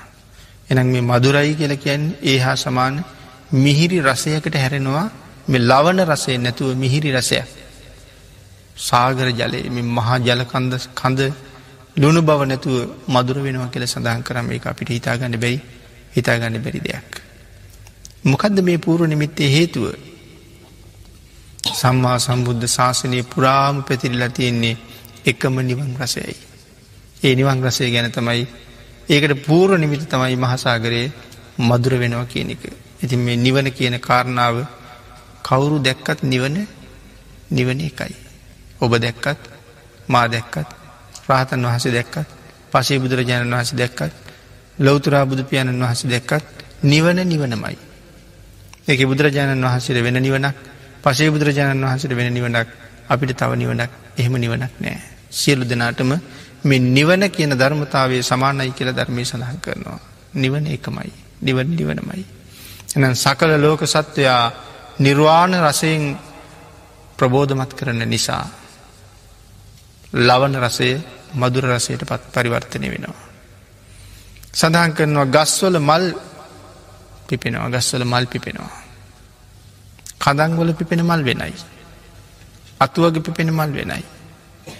කඳනුත් මලින් වැහෙනවා අතුත් මලුම් වැහෙනවා. සම්පූර්ණ ගස් තනි කරම පුෂ්පයන්ගෙන් පිරිල ඉතිරිලා යනවා. මල්ම විතරයි. හේතුව මොකක්ද කියල සඳහන් කරනවා. ලෝකෙ හැම තැනම භාගිතුන් වහන්සේ යාගමන ඇත් එක්ක විමුක්තියේ පුෂ්ප පිපෙනවා කියලා. හැම තැනම ලෝක විමුක්තිය පුෂ්ප පිපෙනවා. සමහර වෙලාවට ධර්ම දරයන් ලෝක පුරා විසිරිලා යනවා කියන කාරණාව වෙන්න පුළහන් විමුක්ති පුෂ්ප ලෝක සත්වයාට නිවන් මග කියල දෙන මහා පුරුෂයෝ බීකරවනවා කිය අර්ථය වෙන්ඩ ඇති අට කතයි මෙහෙම සඳහන් කරන්න විමුක්ති පුෂ්පයන් නැමතැනම පිපෙනවා. එළඟට සඳහන් කරනවා හඳ දස් ගුණයෙන් බැබලිනෝ කියලා. සාමාන්‍ය දකින චන්ද්‍රය ඒ දකින එලියට වඩා දහස් ගුණයෙන් බැබලෙනවා. පහුගේ දවසලත් සඳහන් කිරුව හඳ එලිය වැඩියුණා කියලා. ති යම්තා කෙලිය වැඩියුණා කියලා අපිට වැඩිය එක දැන්නෙත් නෑ නොත් දහස් ගුණයකින් බැබලුනාන. මොන තරං ආලෝක ධාරාව ලෝකයට සෞම්‍ය එලියක් ගන්න ඇද දහස් ගුණයකින් මේ චන්ද්‍රය ආලෝකමත් වනානම්. එකට හේතු සඳහන් කරනවා විරෝචති චන්දෝ අවිගං කියන කාරණාවෙන් තමයි මේක පැහැදිලි කරලා තියෙන අට්ට කතාවේ. බොහෝ ජනයා භාගිතුන් වහන්සේ දැකල ප්‍රසාදයට පත්වෙනවා. එනම් අතිශයෙන් ආලෝකමත් සඳ මොන තරං සෞම්‍යද ඒ සඳ තව දහස් ගුණයකින් ආලෝකමත් වනම් කොයි තරං සෞම්‍ය වෙයිද සම්මා සම්බුද්ධ කියන චන්ද්‍රරාජෝත්තමයණන් වහන්සේගේ මුවමඩල සහස්්‍රී දේහය මොන තරං සෞම්‍ය සම්පන්නවෙන්ට ඇද මොන තරං ආලෝකමත්වෙන්ට ඇද මොන තරං සුන්දරවෙන්ට ඇද මොන තරන් ලස්සන වෙන්ඩ ඇද. ඒ කාරණාවයි මෙතන සඳහන් කරන්නේ. ඊළකට සඳහන් කරනවා හිරු සැඩ බව නැතුව යනවා කියලා. සූරය හරි සැඩයි නමුත් මේ සැඩ බව නැතු යනවා කියල සඳහන් කරනවා මිනිස්සුන්ට මේ භාගිතුන් වහන්සේගේ නැතම් බෝසතන්නන් වහසේගේ ආගමනයත් එක්ක කායික මානසික සුවය කිය දෙකම ලැබෙනවා. කායික සුවඇත් ලැබෙනවා මානසික සුවඇත් ලැබෙනවා.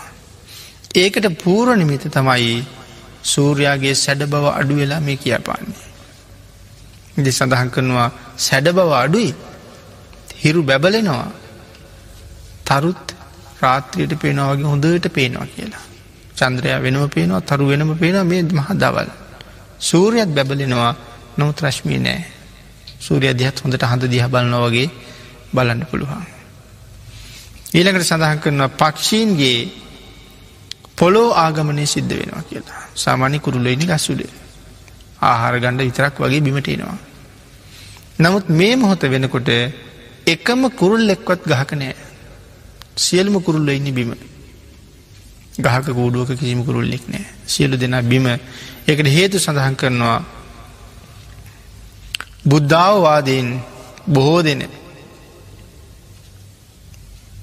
මේ දරණ වෑයමත් ඒ සඳහා දරණ වෑයමක් මේ ධර්ම දේශනා මාලාව මේ විදිහට කල්්‍යයාන මිත්‍රයින් ආරම්භ කරන්න යෙදනේම ලෝක සත්වයට සම්මා සම්බුදුරජාණන් වහන්සේ සරණ යන්න හැටි කියල දෙන්නමයි. මොකද භාග්‍යතුන් වහන්සේ හඳුනගණ්ඩ බැරිනං සරණ හැන්ඩ බැරුවයනවා. ඒ නිසා සරණ යමල්ලා සරණ යමල්ලා බනාහපල්ලා භාවනා කර පල්ලා කියලා කියනවට කලින් සම්මා සම්බුද්ධ නම් කෞුද කියන කාරණාව පැහැදිලි කරලා දීලා මෙන්න මේ මහාපුරුෂෝත්තමයාණන් වහන්සේ සරණයන්ඩ පින් ඇතිනං වෑයම් කරන්න කියන කාරණාව පැහැදිලි කරලා දෙන්නමයි මේ අප්‍රමාණ ව්‍යයාමේ ප්‍රතිඵලේ. පිනතුන ඒක ඒක කියාපාන්න අව් අවස්ථාව තමයි මේල මිලා තියෙන සියලුම පක්ෂීන්ගේ පොළොව ආගමනී සිද්ධ වෙනවා. දෙකින් සඳහන් කරනවා බුද්ධාව වාදයෙන් බුදුරජාණන් වහන්සේගේ අවවාදයෙන්. බොහෝ දෙනා දිවිහිමියෙන් භාග්‍යතුන් වහන්සේ සරණ යනවා කියන එක. දිවිහිමියෙන් සරණ යනවා කියන කාරණාව. එමන භාග්‍යතුන් වහන්සේ සරණ යන කාරණා හතරක් ගැන අපි සඳහන් කරලා තියෙනවා. ඒ හතර පළවෙනි කාරණාව තමයි භාග්‍යතුන් වහන්සේට මාගේ ජීවිතය පූජාවේවා කෙල භාග්‍යතුන් වහසේ සරණයන එක එනම් මෙතනත් සඳහන් කරන බුද්ධාවවාදයෙන් බොහෝ දෙනා දිවිහිමියෙන් භාග්‍යතුන් වහන්සේ සරණ යනවා කියන එකට පූර්ව නිමිත්ත තමයි සියලුම රුක්ෂවල තින්න සියලුම සත්වයෝ සියලුම පක්ෂීන් බිමට බැස්සා කියන එකින් සඳහන් කරලා තියෙන්නේ. ඒනකට සඳහන් කරනවා දෙවියන් තම භවනවලට වෙලා ක්‍රීඩා කිරුව කියලා. හරිම හරිම විනෝදෙන් තම තමන්ගේ දිව්‍ය විමානුවට වෙලා ගොලු සෙල්ලං කරන්න පටන් ගත්තා. මොකද මේ දෙවිය සෙල්ලං කරලා තියෙන්නේ. භාගිතුන් වහන්සේ භාගිතුන් වහසේ උදන් අනුව කියල සඳහන් කරනවා.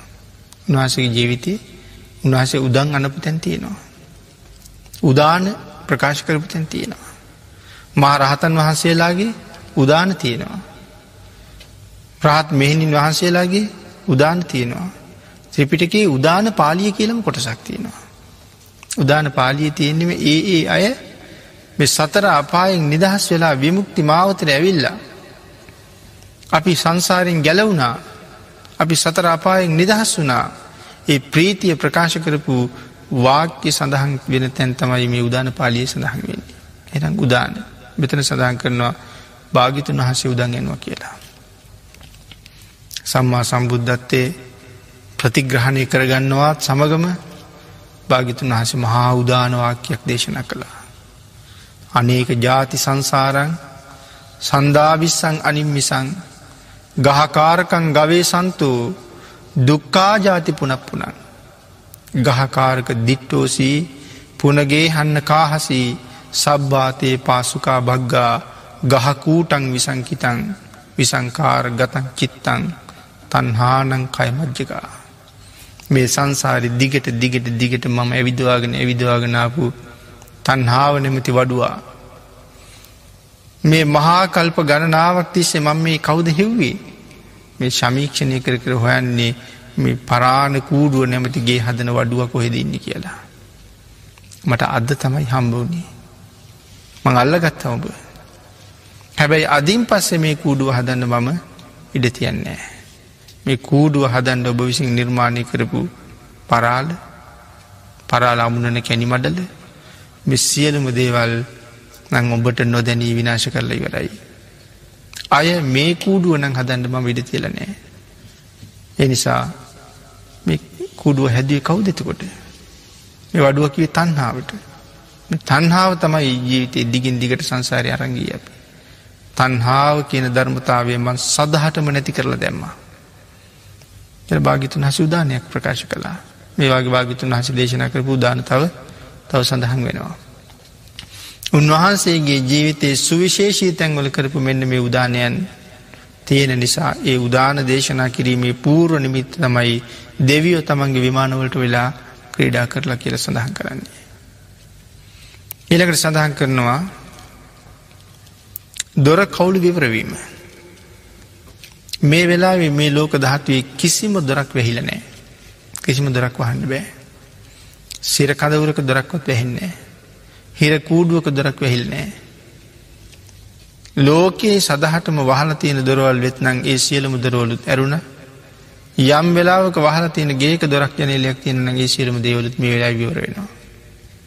ඒ මොන කාරණාවට පූරු නිමිත්තද මේක කියල සඳහන් කරනවා සියලුම දොරකවුළු විවරවීමේ පූරු නිමිත තමයි අරි අටඟි මග දොර විවෘතවීමේ පූර නිමිත්තයි කියලා ආර්ය අෂ්ඨාංගික මාර්ගය කියන ద్వාරය විවෘත කරනවා සත්වයන්ට කොහයන්ටද මේ දොර අරින්නේ. සංසාරය නැමුති වදක ගුහාවේ හිරවෙලා ඉන්න සත්වයන්ට. අමාවේ දොර ඇරල දීල තියෙනවා විමුක්තිය නැමුති අමුෘතය හොයාගෙනයන්ට දොරේරයා. ආර්යෂ්ඨාංගික මාර්ගය විවර කරල සත්වයන් සසරසාගරෙන් එතර කරන්න මඟ පෑදීමේ පූර්ව නිමිත්තයි සියලුම වහලතින දොරකවුලු විවෘතවීම කෙල සඳහන් කරනවා. ඊළඟට සඳහන් කරනවා සාපිපාසා නැතිවීම මිනිස්සුන්ගේ සාපිපාසාව නැතුව යනවා. සඳහන් කරනවන ප්‍රේත ලෝක ඉන්න සියලුම සත්වයන්ගේ බඩවල් පිරෙනව මේ වෙලාවි කියලා. ප්‍රේතයෝ ඉන්න පිපාසෙන් සහ බඩගින්නේ. අවුරුදු කෝටි ගනම් බඩිගින්දින්නවා. වේලක් දෙකක් නැතිවෙච්ච හම අපේ උදර පටලේ ගෙනල දෙන වේදනාව කොහොමද. අවුරුදු කෝටි ගනම් බඩිගින්න ඉන්නවා කිය හම අපිට ඒක සිතවිලි මාත්‍රයෙන් වත් දකිින්ට බෑ.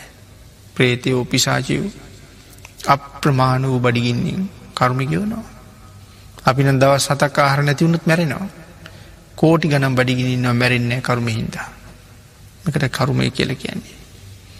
මෙන්න මේ තරං සාපි පාසාාවෙන් ඉන්න ප්‍රේතයන්ගේ පිසාචයන්ගේ බඩවල් පිරෙනව කෙල සඳහන් කරනවා මේ වෙලාවේ. එන මෙතන සඳහන් කරනවා. සාපිපාසා නැතිවීම මොකක්ද හේතුව කාය ගතා සතියෙන් නිවන් ලැබීම කියනෙකට පූර නිමිත්තයි. කායගතා සතිය. මේ කය ක්‍රියාත්මක වෙන්නේ කොහොමද කියන ආකාරය මනාව සිහියෙන් කටයුතු කරනවා. කරන හැම වැඩේම සිහියෙන් කරනවා. මගේ කයින් මන්දැම් මොනවද කරන්නේ. මන්දැන් අතු ගානවා. මන්දැන් මහනවා. මන්දැන් කෑම කනවා. මන්දැන් උයනවා. මන්ද නිදාගන්නවා හැම එකම හැම එකම සිහියෙන් කරන්නයි භාගිතුන් හස දේශනා කළේ. යමෙක් තීරණය කරනවා නං මං භාවනාවක් පටන් ගන්නවා. හොඳ පූර්ව නිමික්තක් තමයි ඊට පෙරාතුව තමන් කරන හැම කටයුත්තම සිහියෙන් කරන්න පුරුදුුණු සිහිය පිහිටවන්ට හරියට ලේසි වෙනවා. කාලයක් තිසි කරන හැම කටයුත්තක්ම සිහියෙන් කෙරුවොත් යට සිහි පිහිටවන්ඩේ තරඟ අමාරු වෙන්නේ අමාරුවෙන්නේ නෑ. මේ කාරණාව සඳහන් කරනවා කායගතා සතියෙන් නිවන්දොර ඇරගන්නවා කියන එකට තමයි ඒ පූර නිමිත්ත සඳහන් කරලා තියෙන්නේ සාපි පාසා නැති වෙලා යනවා කියලා. පිපාසා නැතිවීම සාගින්න නැතිවීම ඒක පිපාසා නැතිවීම විමුක්ති සුවයට පත්වෙනවා කායගතා සතිය බඩගින්න නැතිවීමෙන් කායගතා සතිය කිව්ව පිපාස නැතිවීමෙන් කායගතා සතියෙන් විමුක්තිය හාගෙනයම කියන කාරණා දෙක සඳහන් කරලා තියෙනවා. ජාති වෛරීන් මෛත්‍රී වෙනවා කියල සඳහන් කරනවා. කවුද මේ ජාති වෛරීන් කියල කියන්නේ. නය පොළඟයි ජාති වෛරයි. නය මුගටියයි ජාති වෛරයි. මේවාගේ ජාති වෛරීන්නවා. මේ වෙලාවේ මේ ජාති මෛරීන් ඉතාම මෛත්‍රී සහගත සිතින් යුක්තව ඔවුනොවුන් විනෝදවමින් සතුටයමින් ක්‍රඩා කරනවා. හරිම මෛත්‍රී සිතුවෙල්ලෙන් යුක්තයි. ජාති වෛරීන් මෛත්‍රීවීම හේතුව තමයි සිව් බඹ විහරණ ලෝකයට අනාවරණය කරනවා කියන කාරණාව. මහා බ්‍රහ්මය අල්ලඟ තියෙනවා කියන ගුණ සිව්බඹ විහරණ. අම්ම තාත්ත ගවතියනවා කියන ගුණ සිව්බඹ විහරණ. මෙත්තා කරුණා මුදිතා උපෙක්කා. පුදුමාකාර කරුණාව පුදුමාකාර දයාව පුදුමාකාර මෛත්‍රියක් එසියල්ල ඔසේ අප්‍රමාණුපේක්ෂාවක්. එනම් මහ බඹු කියල භාගිතුන් හස දේශනා කළේ ඒ නිසා. මෙන මේ කාරණාව නිසා සඳහන් කරනවා සිව් බඹ විහරණයට පූර්ව නිමිත්තයි ජාති වෛරීන් මෛත්‍රී සාගතවීම. ඊළඟට සඳහන් කරනවා කොඩි වැලෙන් දහදාහක් සක්කොළවල් බැඳෙනවා. හිතන්නකු කොඩිවැල්ලොලින් සක්කොළවල් දහදාහක් එකට ගැටගැහෙනවා කියන කාරණාව. අපි අපේ ඉඩම වට කරලා කොඩි ඇද්දොත්. අන්න එහෙම කොඩි ඇද්ද වගේ සක්කොලවල් දහදාහක් එකට වට කරලා කොඩි වෙල්ලදලා. මේ වෙලා මේ දර්ශනය සිද්ධ වෙනවා. ඉතාම අලංකාර සමහට රනිින් රිදියෙන් මුතුවෙන් මැනිකෙන් සරසපු කොඩිවලින් දහදාහක් සක්කොල්ව සරසල අපි අපි භාගිතුන් වහස වෙන ලොකු පූජාවක් කරනකොට ලොකු පින්කමක් කරනකොට දානයක් දෙනකොට උන්වහසේ අනුස්මරණය කරන ලොකු වෙසක් පසුන් පින්කමක් කෙනකොට විහාරස්ථාන කොඩිදාල සරසනවා. ගෙවල්ලත් කොඩි දානවා වෙසක් පසොන් කාලයනකොට. ඒක හරි ලස්සන සැරසිලි උප කරණයක් අනික භාගිතුන් වහසේට කරු දක්වන මහලොකු ගෞරවයක්. ඒනම් මේ මහා පුරුෂයනන්ට මේ සක්කොළවල් දහදාහි කවුරු කොඩි දාන්න ඇද්ද. විශ්ව න්‍යාය ධර්මය විසින් සක්කොල්වල් දහදහක් එකම කොඩිවැල්ලින් ගට ගහල බැඳ කියලා සඳහන් කරනවා සක්කොල මොන්න තරන් අසිරිමත්තෙන් ඇද්ද ලෝක දහතු දහදාහක් සක්කොල. සඳහන් කරන මොකක්ද එකේ පූර්ව නිමිත්ත ලොවපුරා ආර්යන් වහන්සේලා බිහිවීම කෙල සඳහන් කරනවා. සක්කොළවල් දහදාහක් පුරා කොඩි ගැවසීම කොයි තරං සුන්දර වෙන ඇද්ද. එනම් භාග්‍යතුන් වහන්සේගේ ධර්මය පනිවිඩේ අරගෙන ලෝක පුරා විහිදිලා යන ආර්යන් වහන්සේලා නිසා ලෝක ධාතුව කොයි තරං සනසවන්ඩ උන්වහන්සේලාට පුළුවන්කම තියෙනවාද.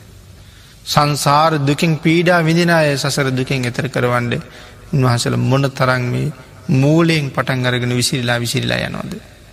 තියෙන කාරණාවට පූර නිමිත්තයි මෙතන සඳහන් කරලා තියන්නේ. ඊළඟට සඳහන් කරනවා ගංගා ජලය ගලන එක නවතිනවා කියලා.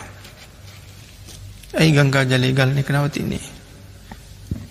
භාගිතුන් වහසිර තියෙන සුවිශේෂී ඥාන හතර ගැන සඳහන් කරනවා චතුරු වෛශාරධ්‍යන ඥාන මෙන්න මේ චතුරු වෛශාරද්ධ ඥානය ලැබීමේ පූර්ව නිමිත්තයි ගලන ගංගා ගලන එක නවතිනවා. මෙකින් කීවේ එක.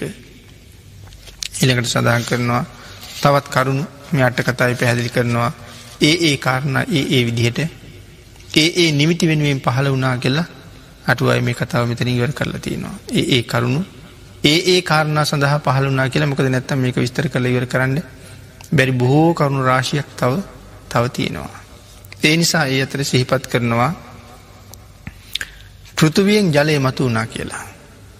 මේ මහපොළුවෙන් හැම තැනින්ම වතුර මතුවෙන්ට පටන් ගන්න ආවල් තැනයි කියල නෑ සිදුරු හැදන වගේ උල්පත් මතුවෙන වගේ හැම තැනින්ම වතුර මතුවෙලා වීදුරු වගේ පිරිසිදු ජලය මහපොලෝ පුරාම ගලාගෙන යනවා.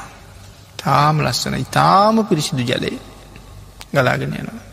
මෙතවේක තවත් එක නිමිත්තක්.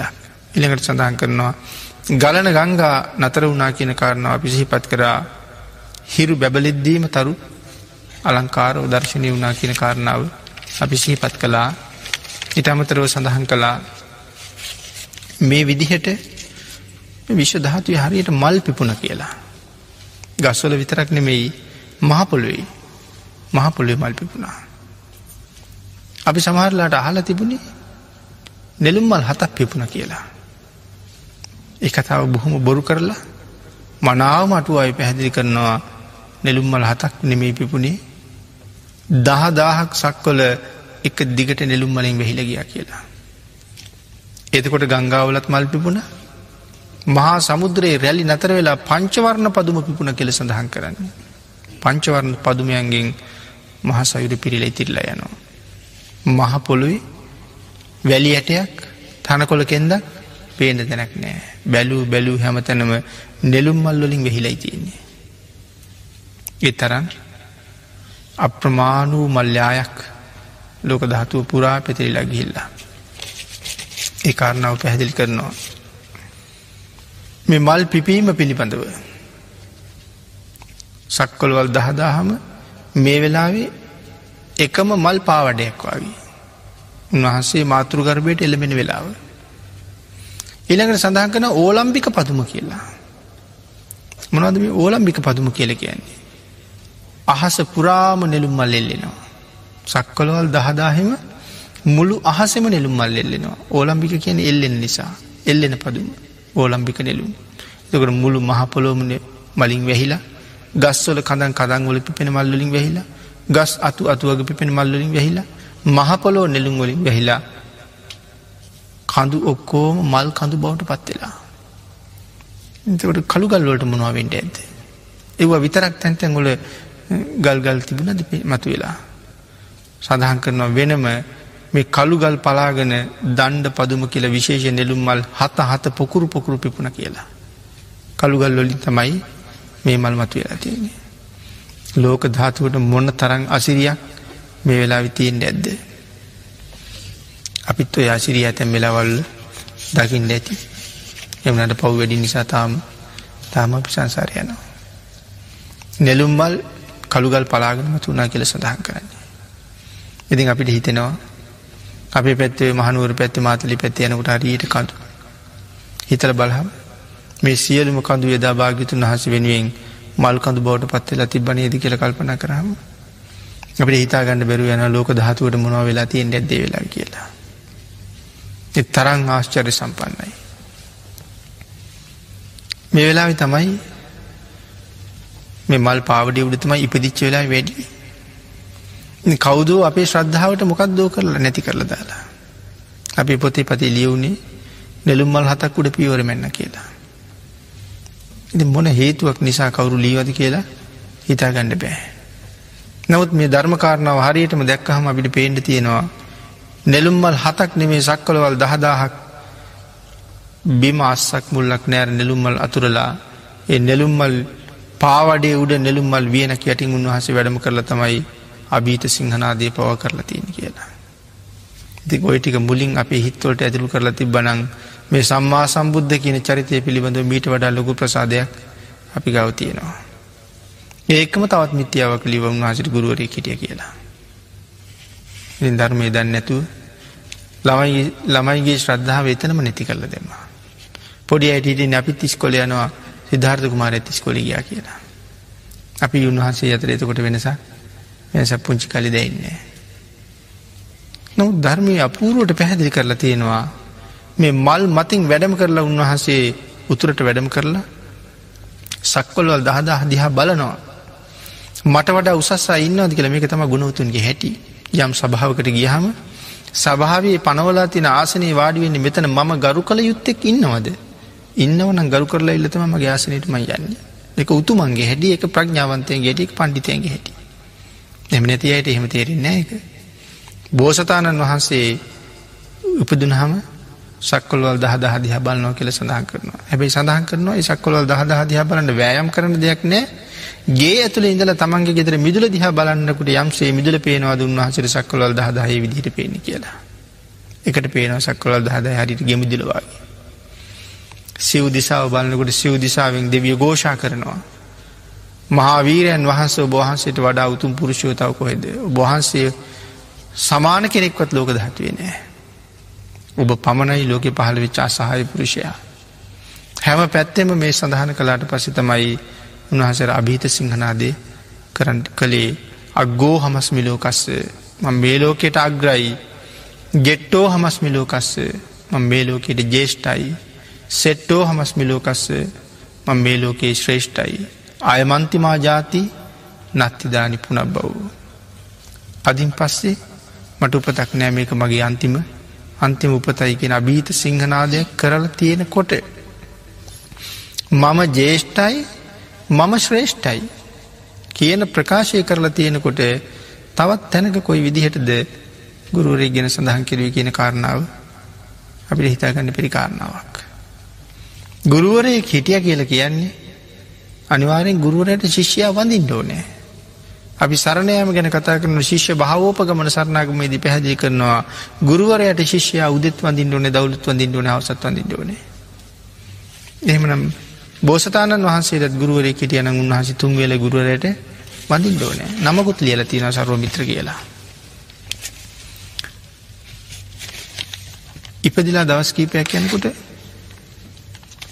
අසිත කාල දේවල තාපසතුමා එනවා සුද්දෝතන් රජිරන්ගේ පුතා බලන්ට. අනි කැමදරුවම කාල දෙවල තාපස්තුමා ගවට කියන ආශිරවාද ගන්ට. මෙවෙලා පුතා බලන්ඩෙක් කියනවා. තාපසතුමා එනවා. ඇවිල කියනවා මහරජය මේ අසිත කාල දෙවල තාපසතුමාගේ කීකරු ශිෂ්‍යයා සුද්දෝදන් රජිරු මහරජ පුතෙක් උපන්න කියලා රංචි මාලිගාවේ. මං ආවේ ඒ පුතා බල්ලයන්ට රජ්ජිරුවන්ට අප්‍රමාණ සතුටුයි. ගිහිල්ල වඩාගෙන එක් කියනවා මගේ පුතේ ආශිරුවාද ගනින් අනි කැමෝ මෙතෙන්ට යනකොට දොබ බලන්න මෙහෙවිල්ලා. ආශිර්වාද ගණඩ කියලා එක්කවිල්ල වන්දනට ලැස්තිනකොට තමයි සිරිපතුල් ජටය වදින්නේ. දින් තාපසතුමා කියලා කෙනෙ සේමිසි කෙනෙක් එහෙම නෙවෙයි අපි පින්නතුන හල තියෙනවා. මනුස්ස ලෝකින් දවල්ට කෑම කාලා තෞතිසාාවට ගිහිල විවේ කරගන හැන්දෑ නැවත මනුලෝට එන කෙනෙකුට යසිත කාල දේවල කියලකැන. පංච අභිග්ඥාෂ්ට සමාපත්තිලාබී. මේ මහතාපසයන්ගේ ජටා විපාදේ වැදෙනකොටම සුද්දෝදන රජිරු කල්පනා කළ මගේ පුතාට මොනව වෙයිද දන්නේ කියලා. නමුත් කාල දෙවල තාපසතුමා බැලවී මෙහෙම වෙන්ඩ හේතුවමකක්ද කියලා. හැබැයි ධ්‍යානය මෙනෙහි කරලා බලනොත් එක්කම දැක්කා මේ ඉන්න ලෝක දහත්වය පහළ වෙන පලවෙනි පුරුෂයා මේ ඉපදිලා ඉන්නේ. කාටවත් වඳින කෙනෙක් එහෙම නෙවෙයි. ඒ අතරේ රජ්ජුරු පුතාට අවාසනාවක් වුණා කියලා සමාව ගනින් සමාව ගනින් කියලා බිමතියන්ට ලෑස්තියෙනවා. කාල දෙවල ස්ථාපසිතුමා සඳහන් කරනවා අසුනින් නැගිට්ට කියලා. නිකම්ම නෙමේ නැගිටින්නේ මහරජ මහරජ ඔබ සූදානම ම මරන්නද කියලාහග නැගිට්ට කියලා සඳහන් කරන්න. සඳහන් කරනවා බිමති බයහෙමනං ඒ බිම තියෙනවත් සමගම අර මහාපුුණ්‍යවන්තයාගේ හිස හිස ගැලවිල්ලා තල්ගහක ගෙඩියක් වැටෙනවගේ බෝසතන් වහසගේ පාමුල වැටෙනවා කියලා. එනම් වඳින්නෑ මේ ජීවිතේ. එහෙම අහගෙන නැගිට්ටත් එක්කම බෝසත් කුමාරය ආරගන ආසනය උඩින් තියලා එතනම වැටිල දැනගහල වඳිනවා. කාලදේවල තාපසතුමා. මගේ ගුරුවරය වැන්දනං මම තවමනුව දහන්නේ සුද්දෝධන රජ්ජුරු කිසිම විමසීමක් නෑ එතන එතනම වැඳගෙන වැටෙනවා පලවිනිවතාවට වඳිත් එහෙමයි. එනම් මේ තාම කිරිකැටි බිලි දෙක්තව. රජ්ජුරුවන්ගෙන් එහෙම වැදුම් ලැබව තාත්තකින්. එහෙමනම් ගුරුවරයෙක් ඉන්නවා කියල කියහම කොයි තරම් මිත්‍යාවක් වෙන්ඩුවනිද. සඳහන් කරනවා කුස රජ්ජිරුත් අපේ භාගිතුන් වහසමයි. ඉතින් කුස රජ්ජිරුත් කාගින්වත් ඉගෙන ගත්තේ කාගිමත් ඉගෙන ගත්ත නෑ කියල සඳහන් කරනවා. සකල ශිල්ප තමන් තනියම ප්‍රගුණ කරගත්ත කියල සඳහන් වෙන්නේ. රජෙක් හැටියට දරන්න ඕන සියලුම අවිශිල්ප දුනු ශිල්ප කඩු ශිල්ප තනියම ප්‍රගුණ කලා විතරක් නෙවෙයි. අලංකාර ශිල්ප මූර්ති කැටයන් කලා මෙ සියල්ලම ප්‍රගුණ කරගත්තා. මහෝෂද පණ්ඩිතයව සඳුන් ගැටය අතේ තියගෙන උපන් නමිසා කාගෙනත් වෙතක ගෙන ගත්තහෙම නෙවී. ඒත් අපේ බෝසතන් වහන්සේමයි. කුසරජ්ජුර පිළිබඳව සඳහන් කරනුට කාරණාව පැහැදිලි කරලා තියෙනවා විවාහවෙන්ට හරියක මෙත්තෙන් හිටප කෙනෙක්. ඉතින් අම්මගේ බල කිරීම බේරෙන්ට බෑ. දෙපාරක්ම අම්මට බෑකීවා. හැබැයිතින් අතීත කටිය තුම් පාරක් බෑකි වෙනය කියල සඳහන් කරනවා. එහෙම උනොත් අම්මගේ තාත්තක හිතරිදී කියලා. හිතරිදිනුත් පෞසිද්ධ වෙන බව දන්නවා. එනිසා උපක්‍රම යෙදව බේරෙන්ට. කුසරජිරුත් එහෙම උපක්‍රමයක් කලා. ද උපක්‍රමය තමයි රත්තරන් දිල රංකරුවට කිව රත්තරන් කාන්තාරූපයක් හදල මට ගෙන දෙන්න කියලා. ඉතින් අඩි පහමාර කයක් උසට හොඳට ශරීරයේ ස්තූල උසට ගැලපෙන මහතට ලස්සන තරුණියකි රූපයක් හදන්න කිවී. හදන්ඩ කීවට රජ්ජිරුවන්ගේ හිතේ දෙගිඩියාවක් තියෙනවා මෙයා හදන රූපයවාගේ රූපයක් අම්මට හම්බේද දන්න මොකද මට විශ්වාසනය එයාගේ රූපය කොහොම වෙයිද කියලා. ඒ අතර මෙත් එයාගේ කුටියට වෙලා රූපයක් හදනවා. රංකරුවගේ වැඩ ඉවර කරලා අරගෙන විල්ල කීවා කොමරුණි මූර්තිය ගෙනාව කියලා. එනම් මුහුණ විවෘත කරන්න මට බලන්න කිවා. ඉතින් බැලුවා අර හිතපු දේම තමයි සතුටුන්නේ නෑ නමුත් සතුටු නොවිච්ච බව ත්‍රංකරුවට පෙන්ුවත් පෙන්වෙත් නෑ නමුත් ත්‍රංකරුවට කියනවා මගේ කුටියට ගිහිල කුටිය රූපය ඇත්තියෙන වරන්ගන්න කියලා. එතවට මෙයාගේ මූර්ති ඇත්නිමා කල් ඉවරයි. රංකරු දොරටුව ගාවට ගිහිල්ලා ආපහැවිල්ල කියනවා ස්වාමීණී මට ඇතුළට ඇන්ට ලැජ්ජයි කියලා. ඇයි කියලා බුවම් බිස උන්වහස ඇතුළේ ඉන්නවා කිවා. දිසඳහන් කරන ඇති බිසවක් ගණ්ඩ වෙන නිසයි මේ උපායෝදන්න හදන්නේ සඳහන් කරන ඇතුළි බිසවක් නෑ මම හදපු මූර්තිය තියෙන කියලා. රංකරුව රවට්ටන්ඩ පුළුවන් මූර්තිය හදන්ඩ පුළුවන්ගුණේ කාගෙන්වත් ඉගෙනගෙන ඉගෙනගෙන නෙවෙයි. මොකක්දෝ හේතුවක් නිසා නමුත් පභාවතිය විවාහ කරගන්න සිද්ධ වෙනවා. හැබැයිතින් පභාවති විවාහ කරගන්න සිද්ධ වෙන්නේ යුද්ධ මැද්දෙ තමයි ඒ වැඩි කරන්න වෙන්නේ. බොහෝ දෙනා බලාපොරොත්තුවෙන් හිටිය පභාවතිීව. සඳහන් කරනවා එක අවස්ථාවක රජවරු හත් දෙනෙක් කෝටි හතක් අරගෙන යුද පිටියටාව කියලා. කෝටි හතක් අරගෙන යුද පිටියට ඇවිල්ලා කුසරජිරුවන්ට පනිවිඩිය වනවා අපි යුද්ධටාවයින්ට කියලා. කෝටි හතක් යුද්ධ පිටිට එල්ල පනීඩිව හමු කොහොමද පිරිස් සංවිධානය කරන්නේ. කුසරජිරුවේ හිද යුද පිටියට තනියමාව කියල සඳහන් කරනවා. හැබැයි ඇවිල්ල ඇතාගේ පිට උඩින්දලා අහං සීහස්සර කුසරාජා මට තමයි සිංහ සේනාධිපති කුස කියල කියන්නේ කෝ යුද්ධට ආපුයයි කියලහනවා. අදහන් කරනවා යුද්ධයක් නෑ ආපුුවට ආවෙ කොහිද හිතාගන්න බැරුව හිස් ලූලුවත දීව කෙලෙ සඳහන් කරන්නේ.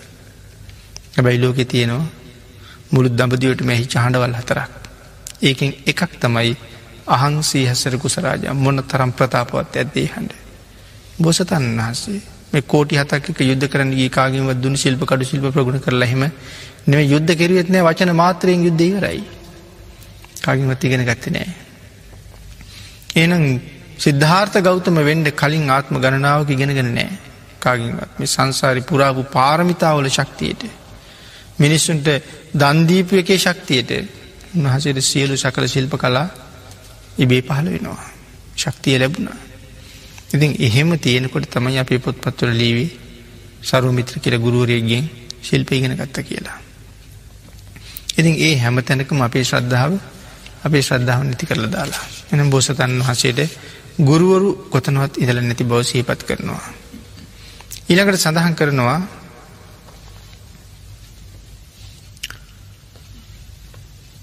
චුතු උප්පත්ති දෙකම මේ වෙලාවෙ නතර වුණා කියලා. සත්‍යයාගේ චුතිය සහ උපත මරණයත් නැවත උපතත් කියන දෙකම මේ වෙලාවේ නතර වෙලයි තියෙන්නේ. මේ මොහොතේ අපි නැකත කියල සඳහන් කෙරුවත් මේ නැකතේ මේ ලෝක දහතුවේ ඇහැට පේන නොපින්න කිසිම සත්‍යයෙක් කිසිම සත්‍යයෙක් උපදින්නේ. උපදින්නන මැරෙන්ඩෝ නැනේ. ඒ නිසා චුතිය නවත්තලා තියෙනවා. ඒ නිසා මරණිකුත් නෑ චුතියකුත් නෑ උපත්තියකුත් නෑ. ඒ දෙක නතර කරලා ති නතර වෙලා තියන්නේ ස්වභාව ධර්ම විසින් තමයි ඒ දෙක නතර කරලා තියන්නේ. ඊළඟට සඳහන් කරනවා මිනිස්සුන්ට දෙවිය පේනවා මේ වෙලාවී. අරූපාවචර දිව්‍ය ලෝකවල ඉන්න අය පේන්නේ නැහැ අනික් සියලුම දිව්‍ය බ්‍රහ්මයෝ මිනිස්සුන්ට පේනවා අපි මුලින් සඳහන් කලා පල්ලහ දෙව්ලොව ඉන්නට ඉහළ දෙව්ලොවයවත් පේන්නේ කියලා. මේ වෙලාවේ මිනිස්සුන්ට දෙවියෝයි බ්‍රහ්මයෝයි දෙගොල්ලම පේනවා. මොන තරං ආශ්චරිමත් අවස්ථාවක් වෙන්ඩ ඇද. සහ සියලම නිරිසතුන්ද පේනවා කියලා නිරිසතුන් පේනවා දෙවියොත් පේනවා අපායත් පේනවා දුක්කිදිනය දෙගොල්ලම පේනවා. ඒ කිසි දේකට ආවරණ තිබුණ නෑ කියල සඳහන් කරනවා. තැන් දෙව්ලෝ පේනවා මේ ගහේ අත්හින්ද පේන්නේ නි චුට්ටක් අත්තෙන් හැ පැතර අන්ඩුවනේ. අර ගල නිසා එහා දිවිය ලෝක පේන්නේ ෑන ඇත. එහෙම ආවරණ තිබුන්නෑ කියල සඳහන් කරනවා ගස් ගල් පරුවත කිසි දෙයක් ඒ වෙලාවේ ඇහේ මානයට බාධාවනේ බාධාවන්නේ නෑ කියල සඳහන් කරනවා. එළකට සඳහන් කරනවා දිව්‍යමය සුවඳ විශ්ව ධාතුව පුරා පැතිරිලායන්න පටන් ගත්ත කියලා දෙවියන්ගේ සුවද පැතිරෙනවා. ඒ සුවඳ මේවාගේ සුවඳක් කියල කියන්න බෑ. අපිට අද සාමාන්‍යෙන් දරාගන්න බැරි සුවඳක්කවත් අපි ගැන දිවිය ලොක සුවඳයි කියලා. හැබැවටම දෙවලු සුවඳ හැමුවන මේ වෙලාවට ගූත නිරේ දුර්ගන්ධය මනුලෝට හමාගනාවත් කවුරුවත් දන්න එහෙම දුර්ගන්ධයක් කෙනවා කියලා. සඳහන් කරනවන එහෙම නිරයක් තියෙනවා කියලා. අසූචි සහ මුත්‍රා තියෙන්නේ. මේ දෙකම කොයි වෙලාවෙත් දුන්දද පැහෙනවා. අප්‍රමාණ දුර්ගන්ධයි නිරිසත්තු පිරිලා දුර්ගන්ධ වනාට. සමහරු මේ පැහෙනවා සමහරු පැත්තකට වෙලා ඉඳගෙන අර අපි අග්ගලා ගුලි හදනවා වගේ ගුලි හදහත ගිලිනවා. ඉතින් මේක අහනවා මාතලී කියන දිවිය පුත්‍රයකින් නිමි රජ්ජුරු මාතලී කවුදර කියලා. ඉති ඒ වෙලායි මාතලීට මාතලී කියනවා ස්වාමීණී. මිතුරාගේ ගෙදර ඉඳලා මිතුරාගෙන්ම කාල මිතුරගෙන්ම යැපිල මිතුර නිසාම ආරක්ෂා වෙලා මිතුර නිසාම ජීවිතය හැමදේම කරගෙන මිතුරගේ ගෙදරින් යනකොට ගෙදර දේවල් සාක් විදාගෙන අතපතගාගෙන ගපු කට්ටිය තම යොඉන්න කියලා. විපාක. එම ඒක විපාකයක් ඉතින් අපි කර්මය කියන හරි අනුරූපයින්නේ මේ ලෝකෙ කරන දේම එවිදිහටම එවිදිහටම ලැබෙනවා කර්මය කියන්නේ එකයි. පනුව ඉන්නවා කියල සඳහන් කරනවා ඇත් කඳන් ඔරු කඳන් වගේ ලොකුයි කියල සඳහන් කරන්න පනුව. මේක නිරිසත්තු තින්න විශාලයි නිරිසත්තු ඇතැක් මතරිස් කරන්න ලොකුයි. අර පනුව ඇත් කඳක් වගේ ඔරු කඳක් වගේ ලොකුණාට තුඩ ඉදිකට තුඩක් වගේ කියල සඳහන් කරන්නේ. මේ තුඩෙක් මිනිහට විදල මස් අයින් කරලා නහරවෙල් අයින් කරලා ඇටකෝටු හිල් කරලා ඇටමිදුල උරාබනවා ගේ නම පනවා මොන වේදනාවත් දැනෙන ඇත්ද. මේක සත්තු ඉන්න දුර්ගන්ධය මනුස්ස ලෝකට අවුත් සඳහන් කරනවා මේ ලෝක ජීවත්වෙන සියලුම සත්තුන් ගොලූප පුරනවා කියලා. තරන් දුර්ගන්ධයි. ඉති මේ වෙලාවේ මේ ගූත නිරයේ දුර්ගන්ධය මනුලෝට හමාගනාවත් කිසි කෙනෙකුට එහෙම දුගඳක් එනවා කියලවත් කියලවත් දැනෙන්නෑ ලෝක ධාතුව ලෝක ධාතුව පිරිල ඉතිරිලා ගිහිල්ලා දිව්‍යම සුවදී. එනකට සඳහන් කරනවා ගස්වල කඳංගොල හැමතනම මල් පිපෙනවා කියන කාරණාව අපි සහිපත් කලා පංචවර්ණ පදුම සාගරය පිරල ඉතිරෙනවා කාරණවත් අපි සේපත් කරා ඕලම්බික පදුමයන්ගෙන් අහස වැහිල යනෝ කෙළ සඳහන් කළා. මේ විදිහට උපදින දිවකුරු බෝසතාණන් වහන්සේ දීපංකර බෝසතාණන් වහන්සේ දස මාසයේ මාතෘ ගර්භය සම්පූර්ණ කරලා මේ නිමිති තිස් දෙකම පහල කරව කරවා මාතෘ ගර්භයෙන් මනුස්සලෝකට වඩිනවා.